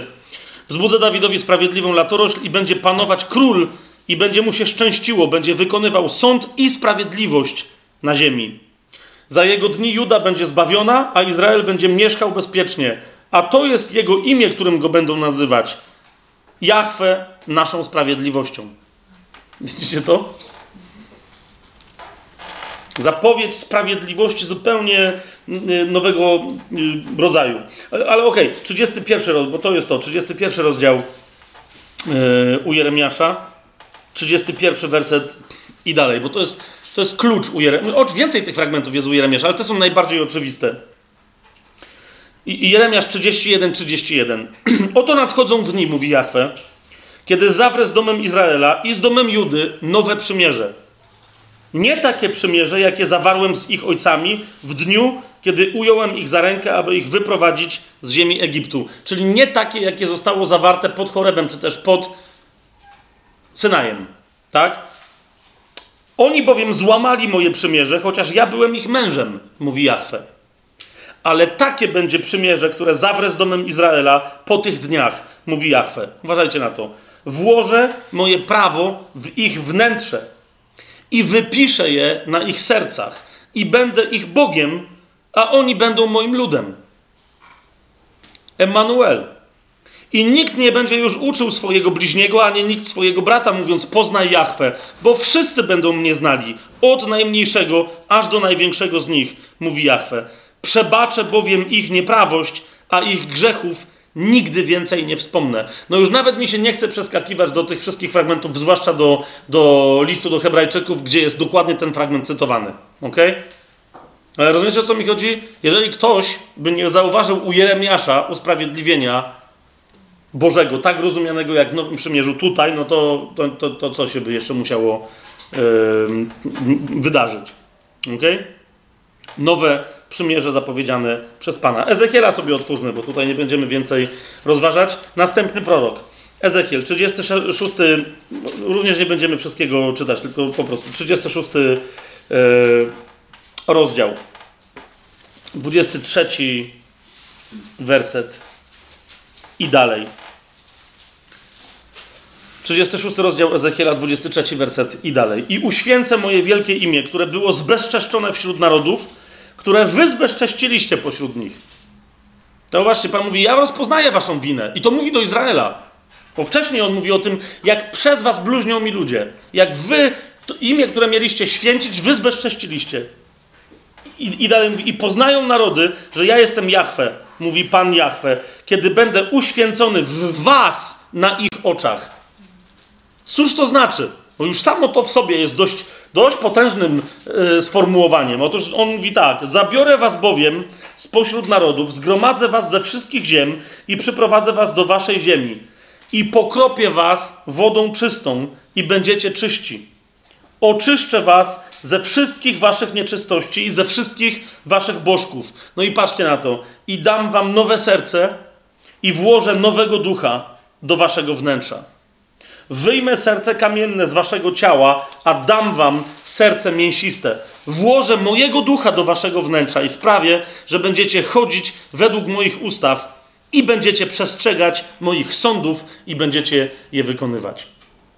Jest? Jest? Ezechiel? Sensacyjny Ezechiel. Inna rzecz, że i u Ezechiela, e, jak sobie jedenasty chyba rozdział otworzymy, yy bo, bo, bo, niektórzy mówią, że no to jest jedno miejsce. Na, u samego nawet Ezechiela yy, to jest 11 rozdział, 19 werset, bo tutaj w tym 37, yy, 6 rozdziale yy, Ezechiel wraca do pewnej myśli, którą tu wypowiada. Jest 11 rozdział Ezechiela, 19 werset. I dam im jedno serce i włożę nowego ducha w wasze wnętrze. Usunę z ich ciała serce kamienne, a dam im serce mięsiste, aby postępowali według moich ustaw i strzegli moich sądów oraz czynili je i będą moim ludem, a ja będę ich Bogiem. Widzicie to? Więc nawet u samego Ezechiela to nie jest pojedyncze yy, wezwanie. Otwórzmy sobie Daniela. O, niektórzy mówią, no dobra, dobra. U Daniela nie ma co na siłę wyciskać z Daniela. Otwórzmy sobie dziewiąty rozdział. Naprawdę trzeba coś na siłę wyciskać z Daniela? Znaczy jest taka scena, e, swoją drogą, która prowadzi do, do tego mm, sławnego proroctwa o 70 tygodniach, jak pamiętacie, i wszyscy się koncentrują na tych 70 tygodniach, ale nie zwracają uwagi na to, co się, na, na, na, na potężne stwierdzenie, które się pojawia tuż przed tą zapowiedzią. To jest dziewiąty rozdział Daniela. Zobaczcie, jaki jest kontekst. Od 20 wersetu będę czytał. Daniel się modli i Daniel jest skoncentrowany na pewnym problemie, jaki ma w Babilonie, mianowicie grzechu swojego i swoich ludzi. Oni są, wiecie, daleko od świątyni, tam ta świątynia w ogóle nie stoi, bo została rozwalona. Co teraz robić? Co, co, co się ma, jak, jak do tego podejść? I zobaczcie, 20 werset. Daniel mówi tak, a gdy jeszcze mówiłem, modliłem się, i wyznawałem swój grzech oraz grzech całego mojego ludu Izraela i zanosiłem swoje błagania przed Jahwe, mojego Boga, za świętą górę mojego Boga, gdy jeszcze mówiłem w modlitwie, oto mąż Gabriel, którego widziałem w widzeniu na początku, przyleciał pospiesznie i dotknął mnie w czasie ofiary wieczornej. Daniel jest bardzo ważny. Jego duch został poruszony, żeby mówić do Boga o grzechu i o niemożliwości poradzenia sobie z tym grzechem, czy to osobiście, czy wobec całego narodu. I teraz rozumiecie, Bóg wybiera ten moment, mówi: O, teraz zrozumiesz, co ci powiem. Posyła do niego Gabriela i zobaczcie, co, z czym posłał Gabriela do proroka Daniela. I wyjaśniał mi ten Gabriel i rozmawiał ze mną, mówiąc: Danielu, teraz wyszedłem, aby uczynić cię zdolnym do zrozumienia. Na początku Twoich błagań wyszło słowo, Pamiętacie, o czym mówi Daniel, tak? Na początku swoich błagań wyszło, a ja przybyłem, aby ci oznajmić, bo jesteś bardzo umiłowany. Tak więc rozważ to słowo i zrozum widzenie. I teraz, i, i mówi tak, 70 tygodni wyznaczono nad Twoim ludem i Twoim świętym miastem. Zwróćcie uwagę na to. Tu jest opisane znaczenie 70 tygodni, a wszyscy zaczynają dalej. Po co? 70 tygodni wyznaczono nad Twoim ludem i Twoim świętym miastem na zakończenie przestępstwa, po pierwsze, po drugie, na zgładzenie grzechów, po trzecie, i na przebłaganie za nieprawość. Po czwarte, na wprowadzenie wiecznej sprawiedliwości. Po piąte, na opieczętowanie widzenia i proroctwa i ostatnie oraz na namaszczenie Najświętszego. Wszystko to, co za chwilę ci powiem o 70 tygodniach, Danielu, mówi Gabriel, jest tajemnicą czego? Mówi, w tych 70 tygodniach wypełni się co? Zakończenie, skończy się przestępstwo, zostaną zgładzone grzechy oraz zostanie ofiarowane przebłaganie za nieprawość. Widzicie to? Widzicie to? I teraz dopiero po tym, jak on mówi, to co ci zaraz powiem, będzie służyć temu wszystkiemu. I mówi, a teraz 70 tygodni. I wtedy kluczem, samym centrum tych 70 tygodni jest, zobaczcie, 26 werset. Wszystko prowadzi do tego momentu i od tego momentu się będzie wyjaśniać. W centrum jest co? 26 werset. A po tych 62 tygodniach zostanie zabity Mesjasz, ale nie za siebie. Zostanie zabity Mesjasz, ale nie za siebie. Po co? No jeszcze raz, 24 werset. Na zakończenie przestępstwa, na zgładzenie grzechów i na przebłaganie za nieprawość, na wprowadzenie wiecznej sprawiedliwości, na wprowadzenie wiecznej sprawiedliwości. Widzicie to?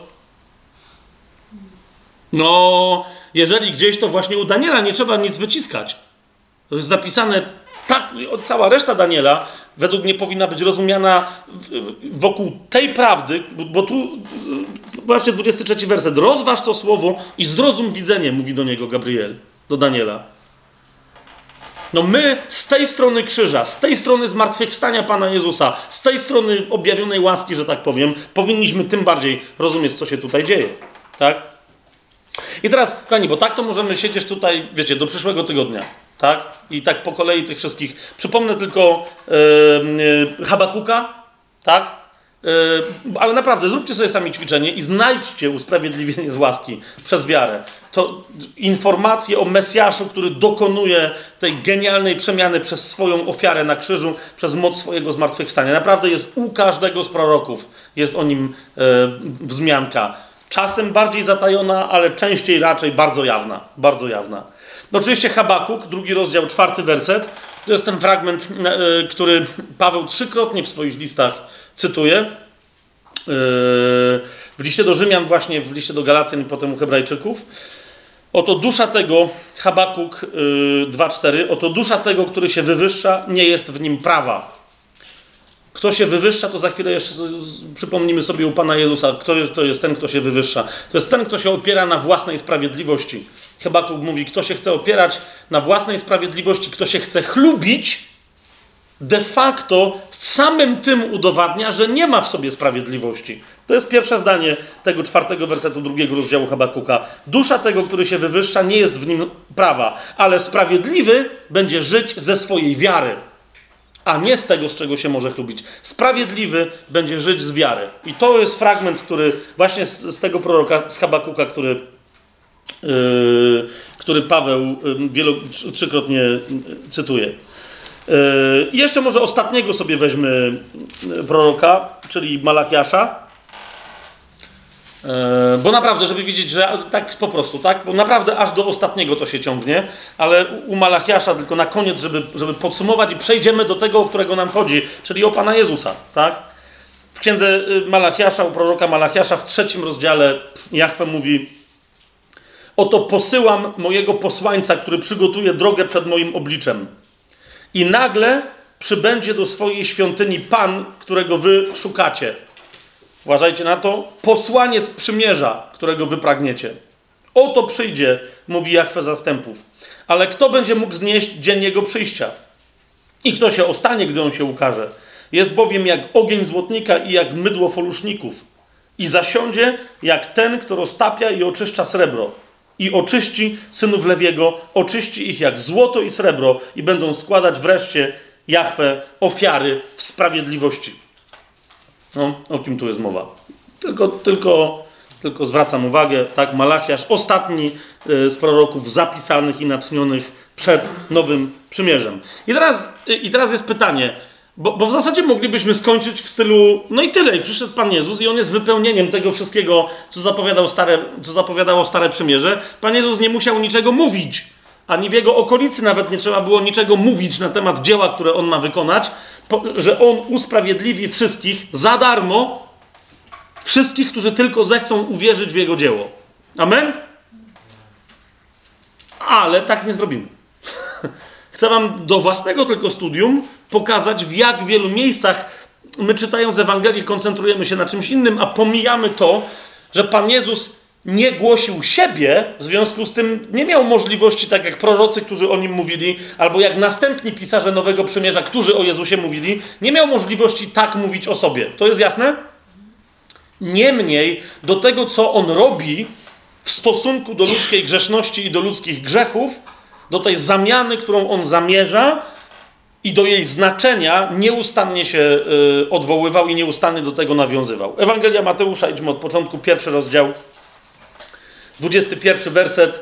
E, Józef ma tam pewien problem, czy Marię czasem, no nie czasem, tylko czy raczej ją chyba trzeba odesłać, bo nie wiadomo o co to chodzi, jest w ciąży, myśli sobie Józef, no ale ewidentnie nie ze mną.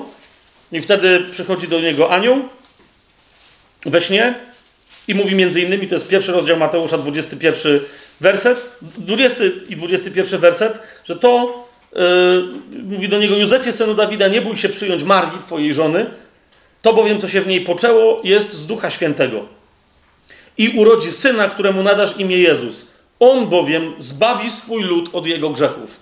Zaraz od samego początku, yy, już pomijam, że wprowadzenie do Ewangelii Mateusza, sam, sam rodowód Jezusa już wyraźnie mówi, kto to jest, z jakimi zapowiedziami się łączy i co ma zrobić, tak? Ale anioł przypomina Józefowi, że, że no, to jest ten gość, na którego wy czekacie. Po co? No właśnie po to. Twórzmy sobie Ewangelię Mateusza, ósmy rozdział. E, ja, ja wiem, że yy, i to jest jasna sprawa, że nie ma co słuchać yy, demonów nigdy. Tym, którzy w służbie uwolnienia więcej postępują i tak dalej, oni wszyscy wiedzą, że się nie dyskutuje z demonami, tak? Ale Biblia nam zanotowała parę wypowiedzi demonicznych. E, demony zawsze kłamią i to zresztą widać, co one tam kombinują. Ale, ale niezależnie od tego, jak bardzo chcą skłamać, to przy okazji widać też, e, no bo wiecie, nawet największy kłamca, jak się czegoś boi, to to z niego niechcący wychodzi. Tak?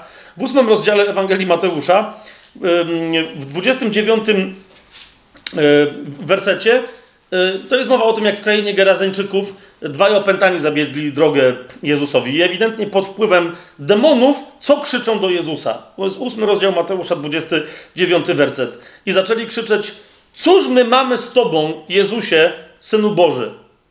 I teraz patrzcie na drugie zdanie. Przyszedłeś tutaj przed czasem nas dręczyć? Zobaczcie, zobaczcie jak niechcący, tak? Bo, bo, to, jest, to jest przerażenie, tak? Bo on za chwilę wywalił te demony, tak? No ale co niechcący z nich wylazło, tak? To, że oni wiedzą, że, że to ten gość w pewnym momencie jest takie miejsce, Gehenna, jezioro ognia i ono jest przeznaczone nie ludziom, nie ludziom, ale diabłu i jego aniołom. Zgadza się? I oni widzą, że to jest ten gość, który nas tam wywali. Tak? Do, I teraz mówię, ale zaraz, ale to jest chyba jeszcze nie, nie teraz, nie ten moment. Przyszedłeś nas dręczyć przed czasem, a Jezus mówi, dobra, zamknąć się wynocha. Tak? Zobaczcie, rozpoznają w nim kogoś, kto uwalnia ludzkość i całe środowisko ludzkości od demonów raz na zawsze, co oni nazywają dręczeniem ich. Nie ma niczego bardziej karykaturalnego jak kat, który zaczyna się żalić, że ktoś się nad nim znęca. Mateusz 9 rozdział. Tam jest cała historia, w ramach której, jeszcze raz my kiedyś do tego wrócimy, żeby bardziej szczegółowo się przyjrzeć tej historii. Niemniej, niemniej, zauważcie, jak Jezus całkiem wprost nie tylko mówi, ale wykonuje znak cudowny, e, żeby zademonstrować prawdę o tym, co on może. To jest dziewiąty rozdział, drugi werset. A oto przynieśli mu sparaliżowane, i drugi werset, y, rzecz jasna, i, i dalej, aż do siódmego. A oto przynieśli mu sparaliżowanego, leżącego na posłaniu. Jezus, widząc ich wiarę, powiedział do sparaliżowanego: Ufaj, synu, twoje grzechy są ci przebaczone. O! Jezus wykonuje dosyć interesującą władzę, nie wiem czy widzicie, wobec której niektórzy trzeci werset z uczonych w piśmie pomyśleli sobie: On bluźni. Dlaczego? No dlaczego? Pomyślcie sami. Dlaczego? Co, co Żyd może sobie pomyśleć zaraz? Jak? Jak komuś mogą być odpuszczone grzechy bez uczynków prawa? To może Bóg, może w ramach jakiegoś suwerennego aktu może coś takiego zrobić, no ale kim jest ten gość? Lecz Jezus, czwarty werset, znając ich myśli, powiedział: Dlaczego myślicie złe rzeczy w swoich sercach? Bardzo interesujący komentarz, ale nie będę ja teraz tego rozwijał, tak? Co bowiem jest łatwiej powiedzieć? Przebaczone są Twoje grzechy, czy powiedzieć wstań i chodź? Ale żebyście wiedzieli, że syn człowieczy ma na ziemi moc przebaczać grzechy, wtedy powiedział do sparaliżowanego: Wstań, weź swoje posłanie i idź do domu. A on wstał i poszedł do swojego domu. Jezus mówi: Syn człowieczy ma na ziemi moc odpuszczać grzechy. Okay? Więc to jest a propos, zanim jeszcze doszło do Kalwarii. Zauważcie, jaką on moc reprezentuje i jaki rodzaju, jakiego rodzaju porządek, zupełnie niezwiązany z prawem. Okay? Jest jego suwerenna decyzja i, i skutek jej, który coś, co daje człowiekowi absolutnie za darmo. Jedynie patrząc na co? Drugi werset, widząc ich wiarę. Widzicie, na to? Widzicie to? Widząc ich wiarę, przyprowadza tego człowieka do wolności od jego grzechów. Jedenasty rozdział Mateusza.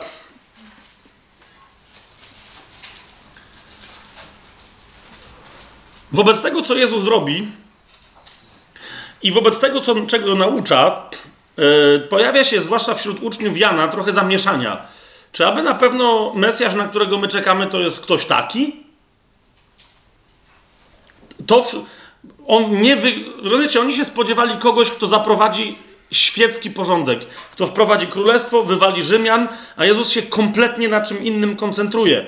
Chodzi, uzdrawia absolutnie wszystkich, którzy tego chcą, bez żadnego wyjątku. Przemawia z mocą, tak że wszyscy się dziwią, mówią nie tak jak nasi uczeni w piśmie. Wyjaśnia im, co jest w Biblii prawem, a co, jest, a co od człowieka pochodzi. Wszyscy są zszokowani.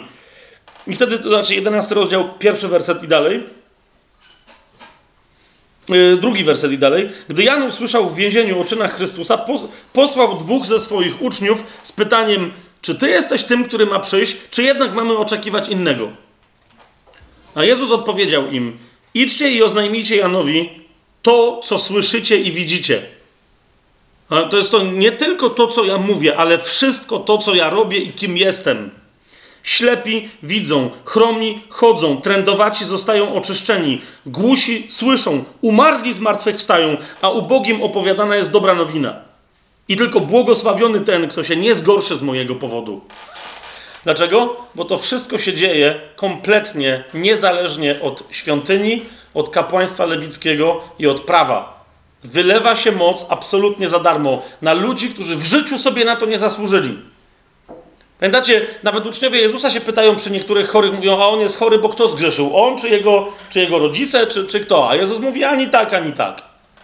Jak to? A, no nieważne, tak to, idźmy dalej. No nie, ale rozumiecie, tam jest cały czas to związane. No, jeżeli, jeżeli ktoś zgrzeszył, to ma nieszczęście. Jak nie, jeżeli dobrze postępuje, prawo retrybucji cały czas boskiej, tak? Chrystus całym sobą objawia kompletnie, kompletnie nowy porządek.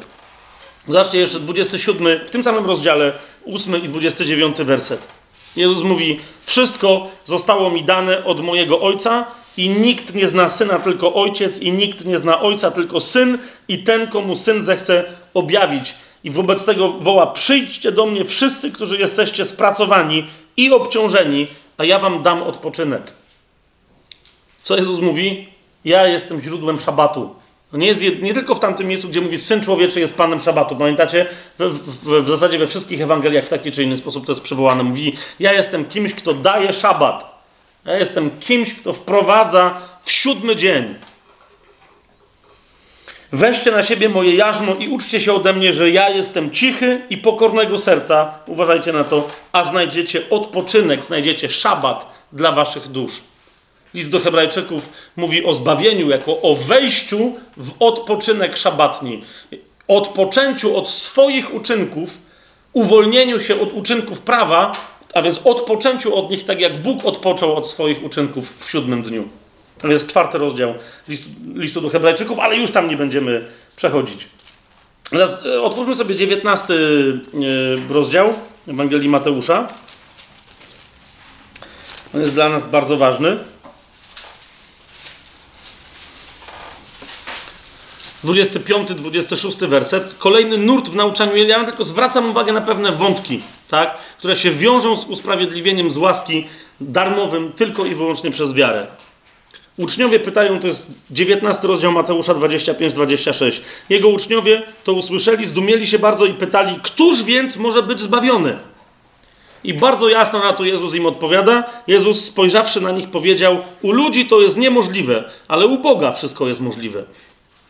Wiecie, to jest wyraźne sformułowanie, nie macie niczego w swoich rękach. Ludzie nie mają niczego w swoich rękach, aby mogli być zbawieni. To musi wyjść od Boga. Nie może się opierać na czymkolwiek, co byście zrobili. Dla ludzi to jest absolutnie niemożliwe. Mateusz 26 rozdział. Yy, jedno z najbardziej, no, jedna z najbardziej wstrząsających scen, yy, yy, jak dla mnie. 26 rozdział Ewangelii Mateusza, 63, 64 werset. Izajasz 53 rozdział, pamiętacie? On milczał, był niemy, jak owca nie ma, kiedy ją strzygą. I dokładnie ten, te, te dwa wersety zaczynają się od takiego sformułowania, ale Jezus milczał. 26 rozdział Mateusza, 63-64 werset. Ale Jezus milczał. Wobec oskarżeń, oni już go zaczęli strzyc. Bo on tu stoi przed sądem.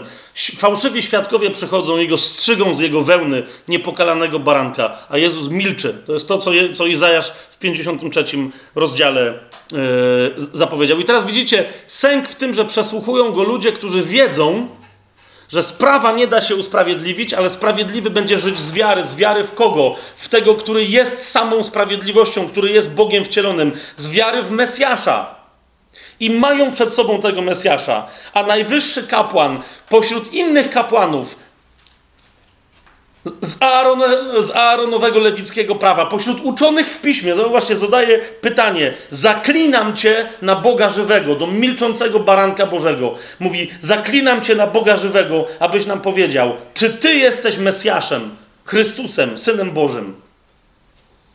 W tym momencie pytasz, wcale, wcale nie chcesz tej odpowiedzi. Ale Jezus, żeby nie było, odpowiada w tym momencie, przerywa swoje milczenie. Ty powiedziałeś. Sam dosłownie, dosłownie ty powiedziałeś, ale chodzi. No powiedziałeś, co powiedziałeś. I dodaje, ale mówię wam, odtąd ujrzycie syna człowieczego, siedzącego po prawicy mocy Bożej i przychodzącego na obłokach niebieskich. Wyraźnie się odwołuje do czego? Do Daniela. Tak? I że, że to jest ostatnia wasza szansa, bo następnym razem zobaczycie mnie i to już nie będzie łaska. Przyjdę w ramach swojego dnia. Czy chcecie wtedy przyjąć gniew, czy chcecie się ucieszyć, że nadchodzę?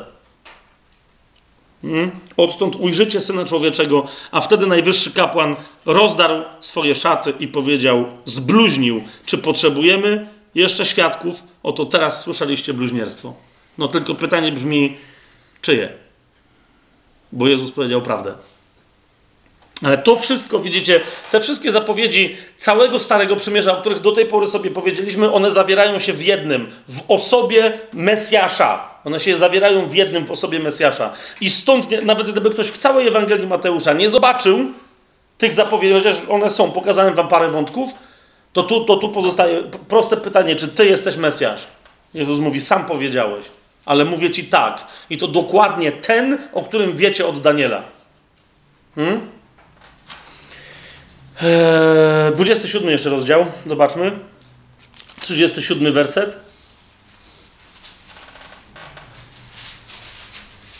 Że to jest Mesjasz, to jest bardzo interesujące w tym wszystkim yy, najdziwniejsze i tragikomiczne trochę, że to jest Mesjasz, zaświadcza Żydom ktoś, kto nie jest Żydem, czyli Piłat, który nakazuje nad jego głową zawiesić dowód na to, że, że oto właśnie umiera człowiek, który wypełnił wszystkie proroctwa, jakie zostały zapowiedziane na temat Mesjasza. 37 werset i umieścili nad jego głową napis z podaniem jego winy. Mianowicie, to jest Jezus, król Żydów. co, za, co za historia.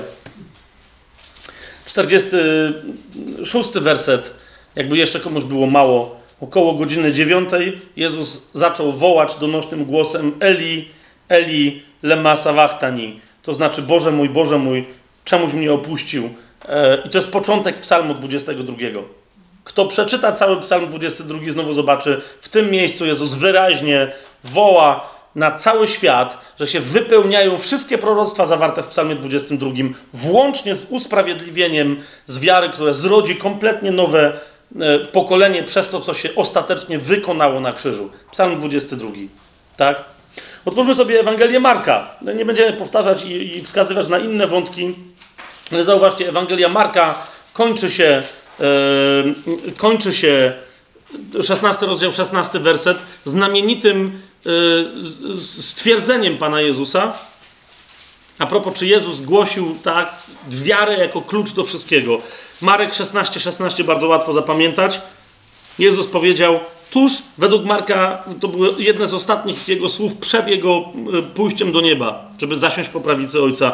Powiedział, kto uwierzy i ochrzci się, będzie zbawiony. Ale kto nie uwierzy, będzie potępiony. No jeszcze będziemy kiedy indziej rozważać szerzej ten temat, bo zauważcie, że tutaj nie ma, yy, yy, nie ma symetrii. Tak? Kto uwierzy i się ochrzci, będzie zbawiony, ale kto nie uwierzy, i nie ma mowy o chrzcie, kto nie uwierzy, będzie potępiony. Słowem, wiara jest czymś, wprowadza człowieka, wiara w Jezusa wprowadza człowieka w coś, co wybawia go od potępienia. Ale jeszcze nie jest wszystkim, co się wiąże z, z, tym, co Jezus zrozumiał przez bycie zbawionym. Czy to jest jasne, jasne, co mówię? Natomiast ewidentnie widać, że y, w tym zdaniu, że Jezus wskazuje na wiarę jako na coś, co ratuje człowieka przed potępieniem. No dlaczego to go ratuje przed potępieniem? Ponieważ kto wierzy, jest usprawiedliwiony, staje się sprawiedliwością Bożą i nie ma absolutnie żadnej historii, żadnego zapisu czegokolwiek, za co miałby być potępiony. Amen? Otwórzmy sobie Łukasza, czwarty rozdział, bo mamy mało czasu. Czwarty rozdział. Jezus siebie przedstawia jako kogoś, kto przychodzi z łaską od samego początku swojej działalności. To jest czwarty rozdział e, Łukasza, osiemnasty werset i dalej. W Nazarecie w synagodze otwiera zwój i zaczyna czytać i, i, i, i konkluduje w taki sposób. Duch Pana nade mną, ponieważ namaścił mnie, abym głosił dobrą nowinę ubogim. Posłał mnie, abym uzdrawiał skruszonych w sercu, abym uwięzionym zwiastował wyzwolenie, a ślepym przejrzenie, abym uciśnionych wypuszczał na wolność, abym ogłosił miłościwy rok Pana, lub też rok łaski od Pana. Niektórzy całkiem słusznie tłumaczą. Wtedy zamknął księgę. Jak pamiętacie, to proroctwo idzie dalej u Izajasza, a Jezus w środku zdania przerwał to proroctwo, żeby zasugerować: Teraz obwieszczam łaskę. Jestem znakiem łaski i przychodzę z łaską. I skutecznie powoduje, że ta łaska będzie w was działać. Więc w środku zdania przerwał, zamknął księgę, oddał ją słudze i usiadł, a oczy wszystkich w synagodze były w nim utkwione. I co do nich powiedział? I zaczął do nich mówić: Dzisiaj wypełniły się te słowa pisma w waszych uszach. Ten, który był przez to proroctwo zapowiedziany, to jestem ja. A jakie jest moje zadanie? Obwieszczać czas określony okres łaski od Pana, kiedy absolutnie za darmo będziecie ją mogli y, dostawać. Otwórzmy sobie Ewangelię Łukasza. Y, nie będę tu wielu innych wątków, takich jak chociażby poruszonych w 15 y, rozdziale Łukasza, w ogóle nie będziemy tego dotykać, ale zobaczcie 18 rozdział. Bardzo ważna przypowieść. A propos usprawiedliwienia, czy Jezus głosił usprawiedliwienie z uczynków, czy mówił o tym, że gdzie indziej z innej postawy pochodzi? To jest 18 rozdział, dziewiąty werset i dalej. Zwróćcie uwagę, wprost Jezus opowiedział tę przypowieść i targetem, że tak powiem, tej przypowieści, tak, pierwszymi słuchaczami, których miał na myśli, był, był, byli jacy ludzie. 18 rozdział Łukasza, 9 werset. Powiedział też do tych, którzy ufali sobie, że są sprawiedliwi, a innych mieli za nic. Taką przypowieść. To, że innych mieli za nic, to jest swoją drogą, ale do kogo on mówił? Do tych, którzy ufali sobie, że są sprawiedliwi. Kto to był? To byli ludzie, którzy uważali, że przez wypełnianie uczynków prawa uczynili się sprawiedliwymi. Tak? Jak brzmi ta przypowieść? To wszyscy ją świetnie znamy, ale przeczytajmy. Dwóch ludzi weszło do świątyni, to jest od dziesiątego wersetu, żeby się modlić. Jeden faryzeusz, a drugi celnik. Faryzeusz stanął i tak się, to jest bardzo interesujące sformułowanie, stanął i tak się w sobie modlił. Zauważycie, jaki jest kierunek? Tak się w sobie modlił. Dziękuję Ci Boże, że nie jestem jak inni ludzie, zdziercy, niesprawiedliwi, cudzołożnicy, albo jak i ten celnik. Poszczę dwa razy w tygodniu, daję dziesięcinę ze wszystkiego, co mam, a celnik, stojąc z daleka, nie chciał nawet oczu podnieść ku niebu, ale bił się w piersi, mówiąc: Bądź Boże, bądź miłosierny mnie grzesznemu. Macie dwie postawy. Jeden gość, który mówi: Boże, dzięki Ci, że jestem sprawiedliwy przez moje uczynki. A drugi mówi: Boże, nieważne co uczynię, i tak będę w Twoich oczach niesprawiedliwy, chyba że się nade mną zlitujesz. Bądź miłosierny mnie grzesznemu. I zobaczcie, jaki jest komentarz Pana Jezusa. Mówię Wam, że raczej ten drugi odszedł do swojego domu usprawiedliwiony, a nie ten pierwszy. Każdy bowiem, kto się wywyższa, będzie poniżony, a kto się poniża, będzie wywyższony. Pamiętacie Habakuka? Gdzie jest powiedziane, że, że sprawiedliwy z wiary żyć będzie? Niesprawiedliwy to jest ten, który w swojej duszy się wywyższa i nie widzi, że nie ma w sobie prawości. Tak? To do, do tego Jezus wyraźnie nawiązał, chociaż wprost Habakuka e, nie zacytował. Więcej z Łukasza nie będziemy czerpać. E, tylko wam pokazałem, że także, że nawet w, w, są wątki w Ewangeliach synoptycznych, gdzie to jest oczywiste, że, że Jezus wyraźnie mówi o tym, że usprawiedliwienie do człowieka przychodzi nie z uczynków prawa, tak? ale że ono w nim się znajduje, bo on jest dawcą łaski. No ale mamy jeszcze czwartą Ewangelię, niesynoptyczną, Ewangelię Jana.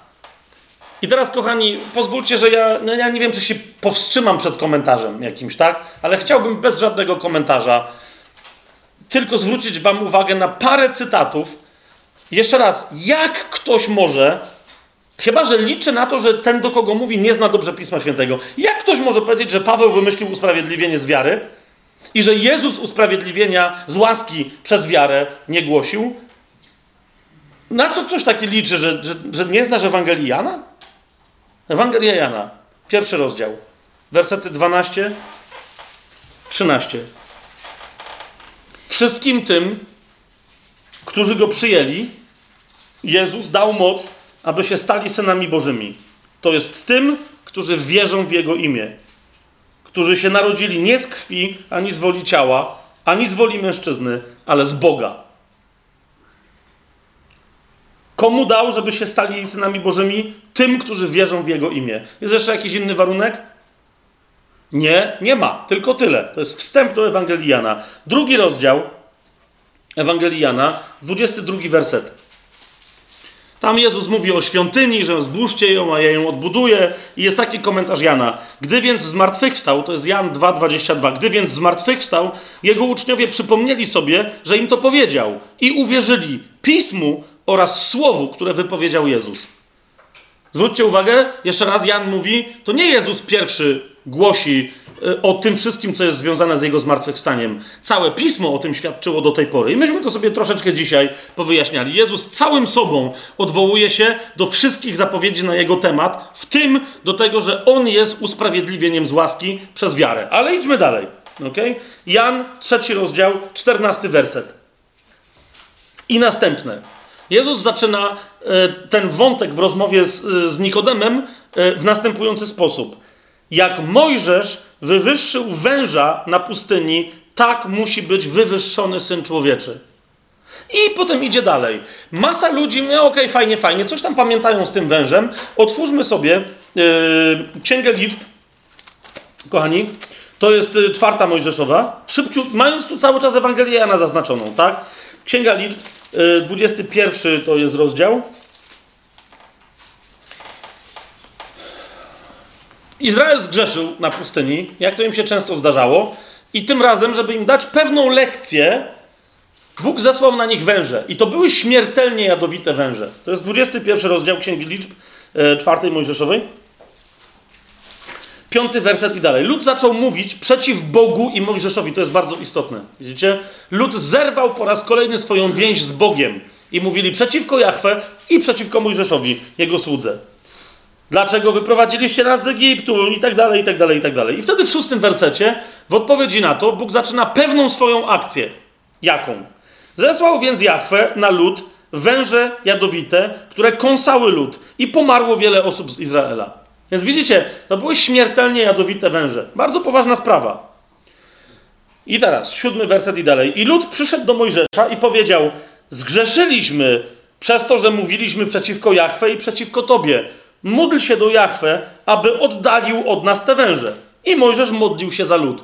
Widzicie, oni już wiedzą, że potrzebują jakiegoś pośrednika. Wiecie o co chodzi? Tu mają gościa, on się zna na prawie, on zarządza całą religią, on to załatwi. I teraz zauważcie, i, i Mojżesz też tak myśli. A teraz patrzcie, co się dzieje. Ósmy werset. Wtedy Jachwę powiedział do Mojżesza: Już się nie módl. Znaczy, tego nie, to nie ma w Biblii, ale to było to. Dobra, tak nie załatwicie sprawy. Musicie coś zrobić. Wykonaj, mówi do niego, patrzcie na to, wykonaj jadowitego węża i umieść go na drzewcu. Co miał wykonać Mojżesz? Dokładny obraz tego stworzenia, które się plątało w liczbie mnogiej po obozie i zabijało ludzi. To miało być dokładne odwzorowanie węża, który śmiertelnie kąsał. Czy to jest jasne? Grzech jest tym, co jak raz śmiertelnie uką ukąsi, to człowiek umiera. Zgadza się? I teraz on mówi: weź i, i zawieź tego jadowitego węża na drzewie. Ok? I stanie się tak, że każdy ukąszony wystarczy, że spojrzy na tego węża, a będzie żył. Mojżesz wykonał więc, węża miedzianego i umieścił go na drzewcu, a gdy jakiś wąż kogokolwiek ukąsił, a ten człowiek tylko spojrzał na miedzianego węża, wówczas pozostawał przy życiu. I tyle. To jest. Yy, I tak dalej. Oni tam wyruszyli. To jest cała historia. Jest to jasne, co się dzieje? I teraz zauważcie, co Jezus mówi. Trzeci rozdział, wracamy, Ewangelia Jana. Jak Mojżesz wywyższył węża na pustyni, tak musi być wywyższony Syn Człowieczy. Tylko na czym polega problem w ogóle całej ludzkości, bo potem Jezus mówi, co on zrobi, że, że w ten sposób nie rozwiąże jakiejś, jakiejś sprawy z, z jakimiś wężami, tak? Tylko rozwiąże sprawę z najważniejszym jadowitym wężem, który kąsa całą ludzkość, mianowicie z grzechem. Tak? A więc tak, jak Mojżesz wywyższył na drzewie, na drzewcu, tak? Wywyższył znak tego, co było problemem dla Izraela, tak musi być dosłownie Syn Człowieczy wywyższony. Stąd rozumiecie? Jak potem Paweł w liście do Galacjan mówi, że On stał się dla nas przekleństwem, bo jest powiedziane przeklęty każdy, kto wisi na drzewie krzyża. Pamiętacie to? I on mówi, to dokładnie, on się stał za nas przekleństwem na drzewie. Do Koryntian mówi, Bóg Jego uczynił grzechem, abyśmy my w Nim stali się sprawiedliwością Bożą. Rozumiecie, o co idzie? To jest, popatrzcie, Jezus mówi dokładnie to samo, tylko powołując się z Nikodemem, bo rozmawia z uczonym w Piśmie, na obraz, który on będzie świetnie rozumiał. On mówi, to jest to. Jeżeli Syn Człowieczy będzie wywyższony na drzewie krzyża, żaden uczynek wystarczy, że ktoś spojrzy na Niego, wierząc w to, jaka jest obietnica Boża, będzie uzdrowiony raz na zawsze. I na dowód tego kontynuuję. Przeczytajmy cały teraz ten fragment. Od trzeci rozdział Ewangeliana, od 14 wersetu, ale pamiętajcie o co chodzi z tym wężem mojżeszowym. Jak Mojżesz wywyższył węża na pustyni, dokładnie tak musi być wywyższony syn człowieczy. Po co? Aby każdy, kto w niego wierzy, nie zginął, ale miał życie wieczne. Widzicie to? Oni mieli spojrzeć na węża i byli uzdrawiani z jadu, który ich zatruł. Jezus mówi, tu jest ta sama zasada. Kto spojrzy na mnie na krzyżu i uwierzy w to, co ja tam zrobiłem, nie musi nic sam zrobić, tylko uwierzyć w swoim sercu. Nie umrze, ale będzie żył. I to będzie żył wiecznie, 15 werset. Aby każdy, kto w niego wierzy, w tego wywyższonego na krzyżu, jak wąż miedziany syna człowieczego, kto w niego uwierzy, nie zginie, ale będzie mieć życie wieczne. Tak bowiem Bóg ukochał cały świat, że dał swojego jednorodzonego syna, aby każdy, kto w niego wierzy, nie zginął, ale miał życie i to życie, które będzie trwać na wieki. Jeszcze raz Jezus to powtarza.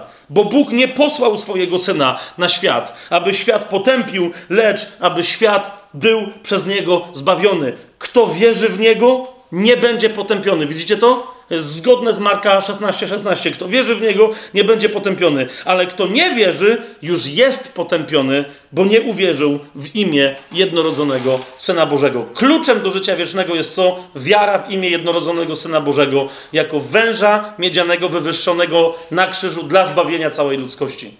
Na czym polega? Ludzie mówią, dlaczego Bóg wysyła ludzi do piekła? Bóg nie wysyła żadnych ludzi do piekła. Ludzie przez grzech sami się wysyłają do piekła. To jest to, dopóki nie uwierzą w Syna Bożego, nie są uratowani. Nikt ich nie wysyła do piekła poza nimi samymi, jeżeli świadomie grzeszą. I tyle. Idziemy dalej. Trzeci rozdział, 36 werset. To akurat nie mówi sam Pan Jezus y, y, o sobie, ale to, to mówi Jan, chrzciciel, o nim. Niemniej zauważcie, że Jan Chrzciciel świetnie wiedział, co się dzieje i jaka jest zasada. To jest trzeci rozdział, 36 werset. Jan mówi, kto wierzy w Syna, ma życie wieczne, a kto nie wierzy Synowi, nie ujrzy życia, ale gniew Boży zostaje na nim. Pamiętacie list do Rzymian, nauczanie na temat sprawiedliwości Bożej? Kto nie został przez krew yy, ofiarę krzyżową Chrystusa pojednany z Bogiem, nad tym dalej ciąży gniew. Ale kto stał się Bożym przyjacielem, wierząc i tylko i wyłącznie wierząc to, co zrobił Jezus na krzyżu, jest wolny i będzie zachowany od gniewu. Amen? To jest to, to masz, zobaczcie, to jest Ewangelia Jana. To jest Ewangelia Jana. Piąty rozdział Ewangelii Jana, 24 werset. Amen, amen, powiadam wam, to Jezus mówi z powrotem. Kto słucha mojego słowa i wierzy temu, który mnie posłał, ma życie wieczne i nie będzie potępiony, ale już przeszedł ze śmierci do życia. Kompletne usprawiedliwienie. Coś człowiek musi robić? Nie. Wystarczy, żeby uwierzył temu, który posłał Jezusa. W jego intencje, że, a on po co go posłał? Żeby on usprawiedliwił tych, którzy w niego wierzą. Jan, szósty rozdział wersety 28-29. W 27 wersecie e, Jezus wprowadza Żydów znających się na piśmie w, w tajemnicę jego serca. Mówi: Zabiegajcie nie o pokarm, który ginie, ale o pokarm, który trwa ku życiu wiecznemu, który wam da syn człowieczy. Jego bowiem zapieczętował Bóg Ojciec. I ci mają odruch, natychmiast proste żydowskie, religijne pytanie: co mamy robić? Jakie więc uczynki mamy wykonywać? Oni się myśleli, że Jezus im powie, że on im powie, wiecie, które przykazanie jest najważniejsze. Jak to zachowacie, to reszta już jest nieważna. Oni na to liczyli. Zobaczcie, wtedy zapytali go, to co mamy robić, żebyśmy wykonywali dzieła Boga? A odpowiedź Jezusa, odpowiedział im Jezus, to jest jedno dzieło Boga, żebyście wierzyli w tego, którego On posłał. No i masz. A miało być tak pięknie. Miało się nam prawo uprościć, by my mieli jakąś jedną rzecz, może dwie, może siedem, tak? Ale myśmy liczyli, że no jak przyjdzie Mesjasz, to tych 613 praw nam skróci do, nie wiem, 63, albo może 6,5. A ten mówi, nie, nic nie trzeba robić, tylko wystarczy wierzyć. Ósmy rozdział. Ja na ósmy rozdział przeskoczmy troszeczkę. 23 i 24 werset. Usprawiedliwienie z łaski przez wiarę, z niczego innego. Jezus powiedział do nich: Wy jesteście z niskości, a ja jestem z wysoka. Wy jesteście z tego świata, ja zaś nie jestem z tego świata. Dlatego wam powiedziałem, że umrzecie w swoich grzechach. Bo jeżeli nie uwierzycie, że ja jestem, umrzecie w swoich grzechach. Proste. Wiara może was wyprowadzić z tej straszliwej śmierci. Jeżeli nie uwierzycie, nie ma żadnych uczynków, które mogą wam pomóc. Jan, 9 rozdział. 35 werset. O, tutaj, tam jak Jezus yy, uzdrawia ślepego, pamiętacie, tam, jest, tam są te komiczne sceny, jak go faryzeusze przesłuchują, a on nie tylko, że został uzdrowiony ze ślepoty, ale jeszcze z nich się zaczyna nabijać. Widać, jak, jak chłop rośnie w odwagę, tak? Widzi, jak de facto ci ludzie, którzy myślą, że go przestraszą, jak oni się boją w swojej religii, a pamięta odwagę, jaką widział w tym, który go uzdrowił. I potem ten, który go uzdrowił, do niego przychodzi. To jest dziewiąty rozdział, 35 werset. I, ta, I mamy taką scenę. Gdy Jezus usłyszał, że go wypędzili faryzeusze, znalazł go i zapytał, czy wierzysz w Syna Bożego? Patrzcie, co się tu dzieje. Czy wierzysz w Syna Bożego? A on odpowiedział, a któż to jest, Panie, żebym w Niego wierzył? I powiedział do niego Jezus: I widziałeś go, i ten, który mówi teraz z tobą, jest nim. A więc Jezus mówi: Ja, to jestem ja. Już mnie widziałeś, teraz mnie widzisz jeszcze raz. Czy wierzysz w Syna Bożego? To jestem ja. A on powiedział: Wierzę, panie. I oddał mu pokłon. Kapujecie, co ten chłop zrobił? On w nim rozpoznał autentycznego Syna Bożego. Żyd normalnie powinien go podnieść. Rozumiecie, pamiętacie Jana? Przed aniołem anioł go podnosi, mówi, co ty robisz? To się tylko Bogu należy. A Jezus go nie podnosi, bo wie, że on w sercu rozpoznał, co to znaczy, z kim rozmawia. Wierzę, Panie, i oddał mu pokłon. Jezus mu powiedział: Przyszedłem na ten świat na sąd. Ale jakiego rodzaju? Aby ci, którzy nie widzą, widzieli. Tak jak ty. A ci, którzy widzą, ale w domyśle, ale nie chcą uwierzyć, żeby się stali ślepi. I usły... no, o to, dlaczego skąd my wiemy, że o to chodzi? Bo 40 werset. Usłyszeli to niektórzy z faryzeuszy, którzy z nim byli, i zapytali go, czy i my jesteśmy ślepi? Bo my wiemy, że ty się do nas zawsze złośliwie odnosisz. Niby do nas gadasz, a rykoszetem my dostajemy. To jest taka myśl. Czy i my jesteśmy ślepi? A Jezus im odpowiedział: Gdybyście byli ślepi, nie mielibyście grzechu. Ale teraz mówicie, widzimy, dlatego wasz grzech pozostaje.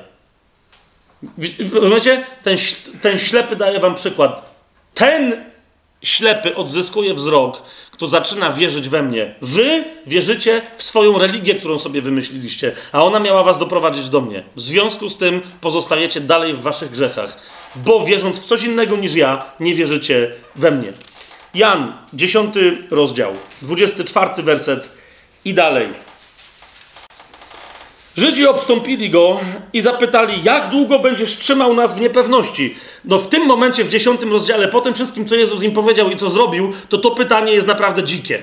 Tak? To, że później arcykapłan się pyta dokładnie o to samo, zaklinam cię, powiedz, czy ty jesteś Mesjaszem, to jest wynik tylko tej bezczelności, w, której oni, w którą oni obrastali i to jest jeden z przykładów.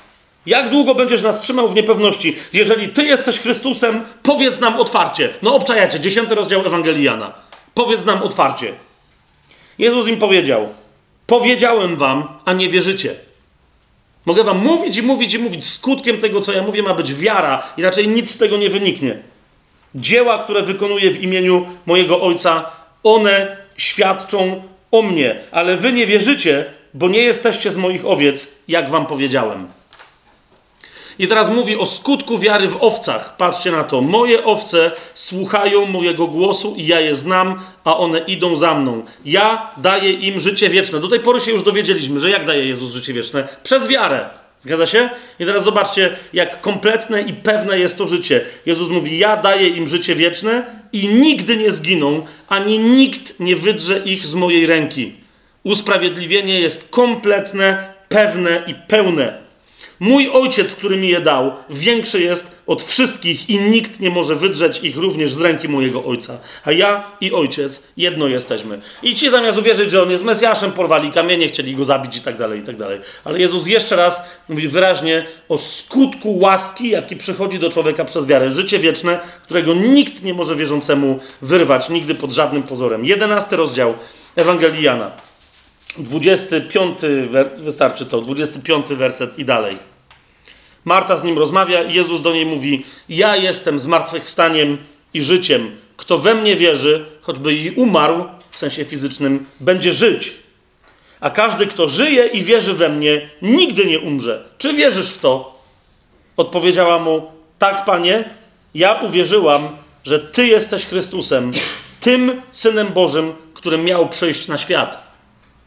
Rozumiecie o co idzie? Ona nie musi więcej gadać. To się dokonuje dokładnie to, co się miało dokonać. Dlaczego? Bo ona w nim rozpoznaje tego Mesjasza, który za, którego zapowiada całe dotychczasowe pismo. Amen? Prosta sprawa. Jan, 12 y, rozdział, 36 werset. Dopóki macie światłość, wierzcie w światłość, abyście byli synami światłości.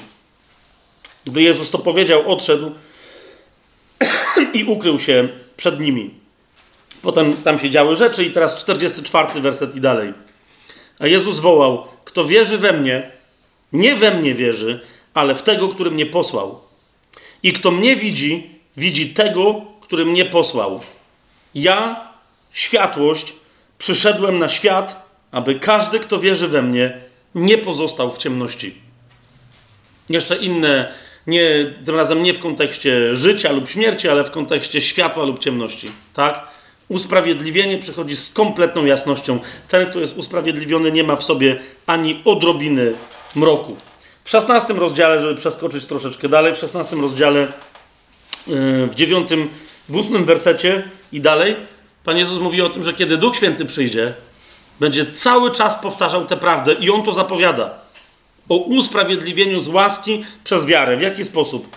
Jezus mówi o Duchu Świętym. Gdy On przyjdzie, jest Jan 16, 8 i dalej, gdy On przyjdzie, będzie przekonywać świat o grzechu, o sprawiedliwości i o sądzie. O grzechu mówię, bo nie uwierzyli we mnie.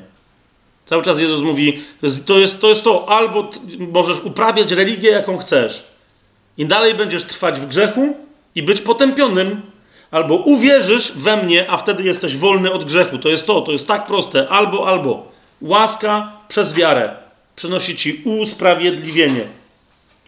O grzechu, bo nie uwierzyli we mnie, a więc będzie Duch Święty przekonywał, żeby uwierzyli. O sprawiedliwości, bo idę do mojego ojca i już więcej mnie nie zobaczycie. Co to oznacza? Macie wstawiennika w niebie. Moja krew będzie zawsze mówić rzeczy większe niż Abla, jak, jak mówi do Hebrajczyków. A o sądzie, bo, bo nie wy, tak, mówi, mówi Pan Jezus, ale kto? Władca tego świata już jest osądzony. I, ko- I skończyły się jego oskarżenia pod waszym adresem. I teraz klucz, centrum, źródło, fundament, szczyt, wszystko naraz, oś, rdzeń, kręgosłup usprawiedliwienia z łaski przez wiarę. To jest jedno zdanie, które musimy zrozumieć, zapamiętać, przeżyć i je doświadczyć. To jest 19 rozdział Ewangelii Jana.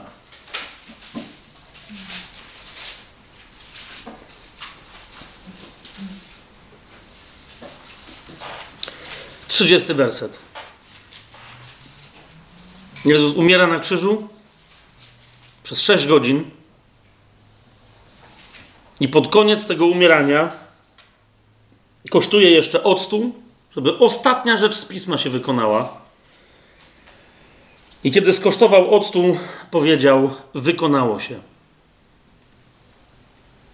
I schyliwszy głowę, oddał ducha. To nawet nie jest, to nawet nie chodzi o całe zdanie, tu chodzi o ten jeden wyraz, bo yy, my po polsku mamy wykonało się, mamy dwa wyrazy, w języku angielskim it is finished, są nawet trzy, w języku greckim jest, jest jeden wyraz w tym, w, w tym miejscu, te telestai. Jest jeden wyraz.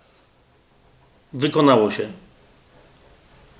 Oryginalnie ten czasownik oznacza, yy, nie oznacza skompletować coś, kiedy ktoś ma, nie wiem, zbiór jakiś, zbiera rzeczy i, i znalazł ostatnią z nich, skompletować coś, wypełnić coś, co było nie do końca wypełnione, a więc częściowo puste, dopełnić e, czegoś, tak, żeby się już po prostu, że sprawić, żeby coś było całością, to to oznacza. Spłacić do końca ostatnią ratę, na przykład, tak? Zapłacić za dług tak, żeby już nie było mowy o żadnym długu. To jest to, jest to co, tu, co, co ten czasownik oznacza. I teraz wyobraźcie sobie, że w tej formie, e,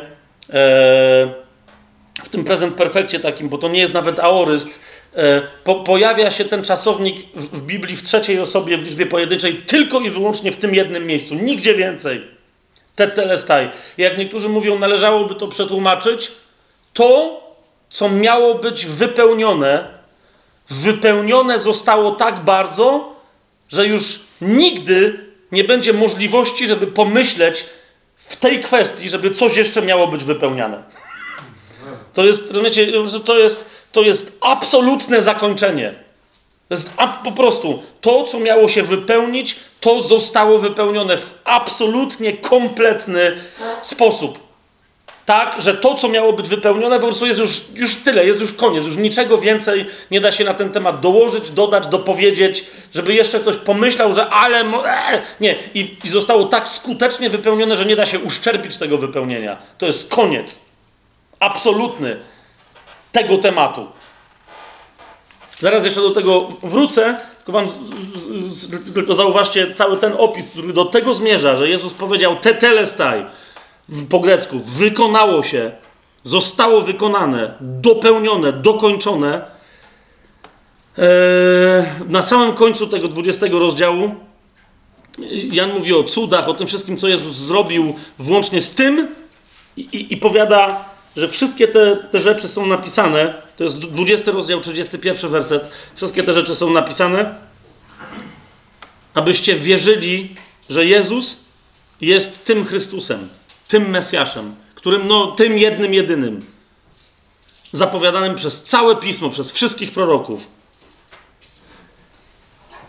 Synem Bożym i abyście wierząc mieli życie w Jego imieniu, w niczym innym. Widzicie to?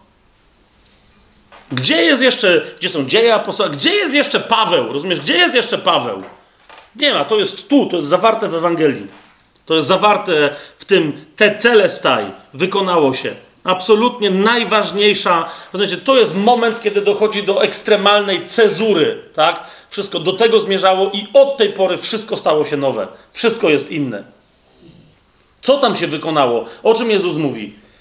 W Ewangelii Jana w czwartym rozdziale Jezus mówi taką rzecz, żeby, żeby to sobie uświadomić. W Ewangelii Jana w czwartym rozdziale Jezus mówi taką rzecz. To jest czwarty rozdział, 34 werset. Po, po tej rozmowie z Samarytanką ta poleciała do, do, do miasta. E, przyszli uczniowie i Jezus im mówi E, ja mam pokarm do jedzenia, 32 werset, o którym wy nie wiecie. Ci nie wiedzieli, co jest grane. I w 34 wersecie Jezus mówi: Moim pokarmem jest wypełnić wolę tego, który mnie posłał i dokonać jego dzieła. Dokonanie tego dzieła się wypełni w tym, co Jezus nazywał swoją godziną. Jak matka mu mówi, wina im zabrakło, on mówi: Nie wiesz, że jeszcze nie nadeszła moja godzina objawienia pełnej chwały, żeby wszystko się dokonało. Jezus mówi, to, to, to jest to wypełniać Jego wolę, który, tego, który mnie posłał i dokonać Jego dzieła. I ono się wykonało. Jezus tam powiedział, co miało być zrobione, wypełniłem w sposób doskonały. Nikt nie musi po mnie poprawiać, nikt nie musi się martwić, nikt nie musi. Co to znaczy? List do Hebrajczyków jeszcze raz sobie otwórzmy. Co, co się dokonało na krzyżu? My to wiemy, ale potrzebujemy sobie po prostu zanurzać się w tym, oddychać tym Dziewiąty rozdział. 24 werset. Co Jezus wykonał? Co się, wy, co się wykonało? Jezus powiedział, wykonało się. Co się wykonało? A tam się. Ach. Dziewiąty rozdział, 24 werset do 28. Chrystus bowiem wszedł nie do świątyni zbudowanej ręką, która była odbiciem prawdziwej, ale wszedł do samego nieba, aby teraz stawać dla nas przed obliczem Boga. On to zapowiadał, że duch o tym będzie uczył, o tym nauczał, że to jest sprawiedliwość. I nie po to, żeby często ofiarować samego siebie, jak najwyższy kapłan, który wchodzi co roku do miejsca najświętszego z cudzą krwią. Bo inaczej Chrystus musiałby cierpieć wiele razy od początku świata. Ale teraz, na końcu wieków, pojawił się raz dla kompletnego zgładzenia grzechu przez ofiarowanie samego siebie. To znaczy te telestaj. Kompletne zgładzenie grzechu. A jak jest postanowione ludziom raz umrzeć, a potem sąd, tak też Chrystus raz ofiarowany na zgładzenie grzechów wielu, drugi raz ukaże się bez grzechu tym, którzy go oczekują dla swojego pełnego zbawienia. Amen. Dziesiąty rozdział, wróćmy do niego, od piątego wersetu. Jezus przychodząc na świat, Paweł tu rysuje mistyczną w ogóle wizję Syna Bożego, który przychodzi, żeby się wcielić na świat i żeby wykonać dzieło, na końcu którego powie te telestaj, wykonało się. Dlatego przychodząc na świat, dziesiąty rozdział Hebrajczyków od piątego wersetu, przychodząc na świat, on mówi: Ofiary ani daru nie chciałeś, ale przygotowałeś mi ciało tylko w moim ciele to się musi dokonać. Całopalenia i ofiary za grzech nie podobały się Tobie. Wtedy powiedziałem: Oto ja przychodzę w ciele. Tak? Oto ja przychodzę. Na początku księgi jest napisane o mnie, abym spełniał Twoją wolę, o Boże. To jest to, o czym w czwartym rozdziale, w 34 wersecie Jezus mówi do uczniów: spełniać Jego wolę, wypełnić Jego dzieło. Powiedziawszy wyżej, ósmy werset, ofiar, darów, całopaleń i ofiar za grzech nie chciałeś i nie podobały się tobie, chociaż składa się je zgodnie z prawem, następnie powiedział: Oto ja przychodzę, aby spełniać Twoją wolę, o Boże. I tak znosi pierwsze przymierze, aby ustanowić drugie. i za sprawą tej woli. Bo to była najpierw wola i Jezus tę wolę wykonał do końca i za sprawą tej woli jesteśmy uświęceni przez ofiarę ciała Jezusa Chrystusa raz na zawsze. Raz na zawsze. To jest usprawiedliwienie, dlatego ono przemienia naszą naturę. Jeżeli się potem ludzie kłócą, ale czy zbawienie jest pewne, czy można je zachować, czy można je utracić, nie wiem, ale wiem, że usprawiedliwienia nie można utracić. Dlaczego? Ponieważ Jezus zrobił coś dokładnie odwrotnego niż to, co robiło pierwsze przymierze. Co robiło pierwsze przymierze? Zobaczcie w dziesiątym rozdziale. Na początku. Prawo to jest pierwszy i drugi werset. Prawo zawierając cień przyszłych dóbr, a nie sam obraz rzeczy, nie może nigdy przez te same ofiary, które co roku są nieustannie składane, uczynić doskonałymi tych, którzy przychodzą. Dlaczego? Mówi, no bo gdyby tak było, przestano by składać te ofiary. Dlaczego? Dlatego, że składający je, raz oczyszczeni, nie mieliby już żadnych grzechów na sumieniu. Widzicie to? I on mówi, ale oni muszą w kółko je składać, dlatego że w kółko mają grzechy na sumieniu. Jezus zrobił coś odwrotnego. Raz na zawsze. Co to oznacza? Że nie mają już nigdy żadnych grzechów na sumieniu. Rozumiecie? Cała reszta tego dziesiątego rozdziału ma takie znaczenie. Oni nie mają cały czas grzechy na sumieniu. My nie mamy już żadnych grzechów na sumieniu. I dlatego dalej dziesiąty rozdział, czternasty werset i dalej mówi, jedną bowiem ofiarą uczynił doskonałymi na zawsze tych, którzy są uświęceni. Widzicie? Zobaczcie, dziesiąty rozdział, drugi werset. W przeciwnym razie przestano by je składać, dlatego że składający je, raz oczyszczeni, nie mieliby już żadnych grzechów na sumieniu. Byliby doskonali, ale nie są. Ale to, co zrobił Jezus i to się wykonało, to znaczy te telestaj. 14 werset 10 rozdziału listu do hebrajczyków. Jedną ofiarą Jezus uczynił doskonałymi na zawsze tych, którzy są uświęceni. A poświadcza nam to także Duch Święty, bo powiedziawszy najpierw, takie jest przymierze, które zawrę z nimi po tych dniach, mówi Pan, włożę moje prawa w ich serca i wypiszę je na ich umysłach, później dodaję, a ich grzechów i nieprawości nigdy więcej nie wspomnę. Te telestaj, powiedział Pan Jezus, wykonało się, dokończyło się. Dlatego Paweł w liście do Rzymian, że do niego wrócimy i, i tym zakończymy. Dlatego Paweł w liście do Rzymian w dziesiątym rozdziale, w czwartym wersecie mówi, bezpośrednio akurat w tym, tak jak i w dziewiątym rozdziale listu do Rzymian, zwracając się do Żydów, mówi wyraźnie: końcem prawa jest Chrystus. Końcem prawa, waszego prawa jest Chrystus.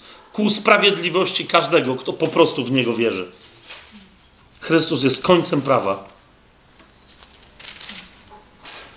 I dlatego to rozumiejąc, Rozumiejąc potem wszystkie inne uwarunkowania, że, że co wynika z tego, że jesteśmy usprawiedliwieni. O tym będziemy mówić kiedy indziej. Ale możemy za każdym razem, kiedy przychodzi wątpliwość, czy mogę utracić to usprawiedliwienie, czy mogę utracić tą naturę, którą mam w wyniku tego cudownego nowonarodzenia, możesz sobie otworzyć i przeczytać, i tym tekstem skończymy jako modlitwą nasze dzisiejsze rozważanie. Ósmy rozdział listu do Rzymian od 31 wersetu.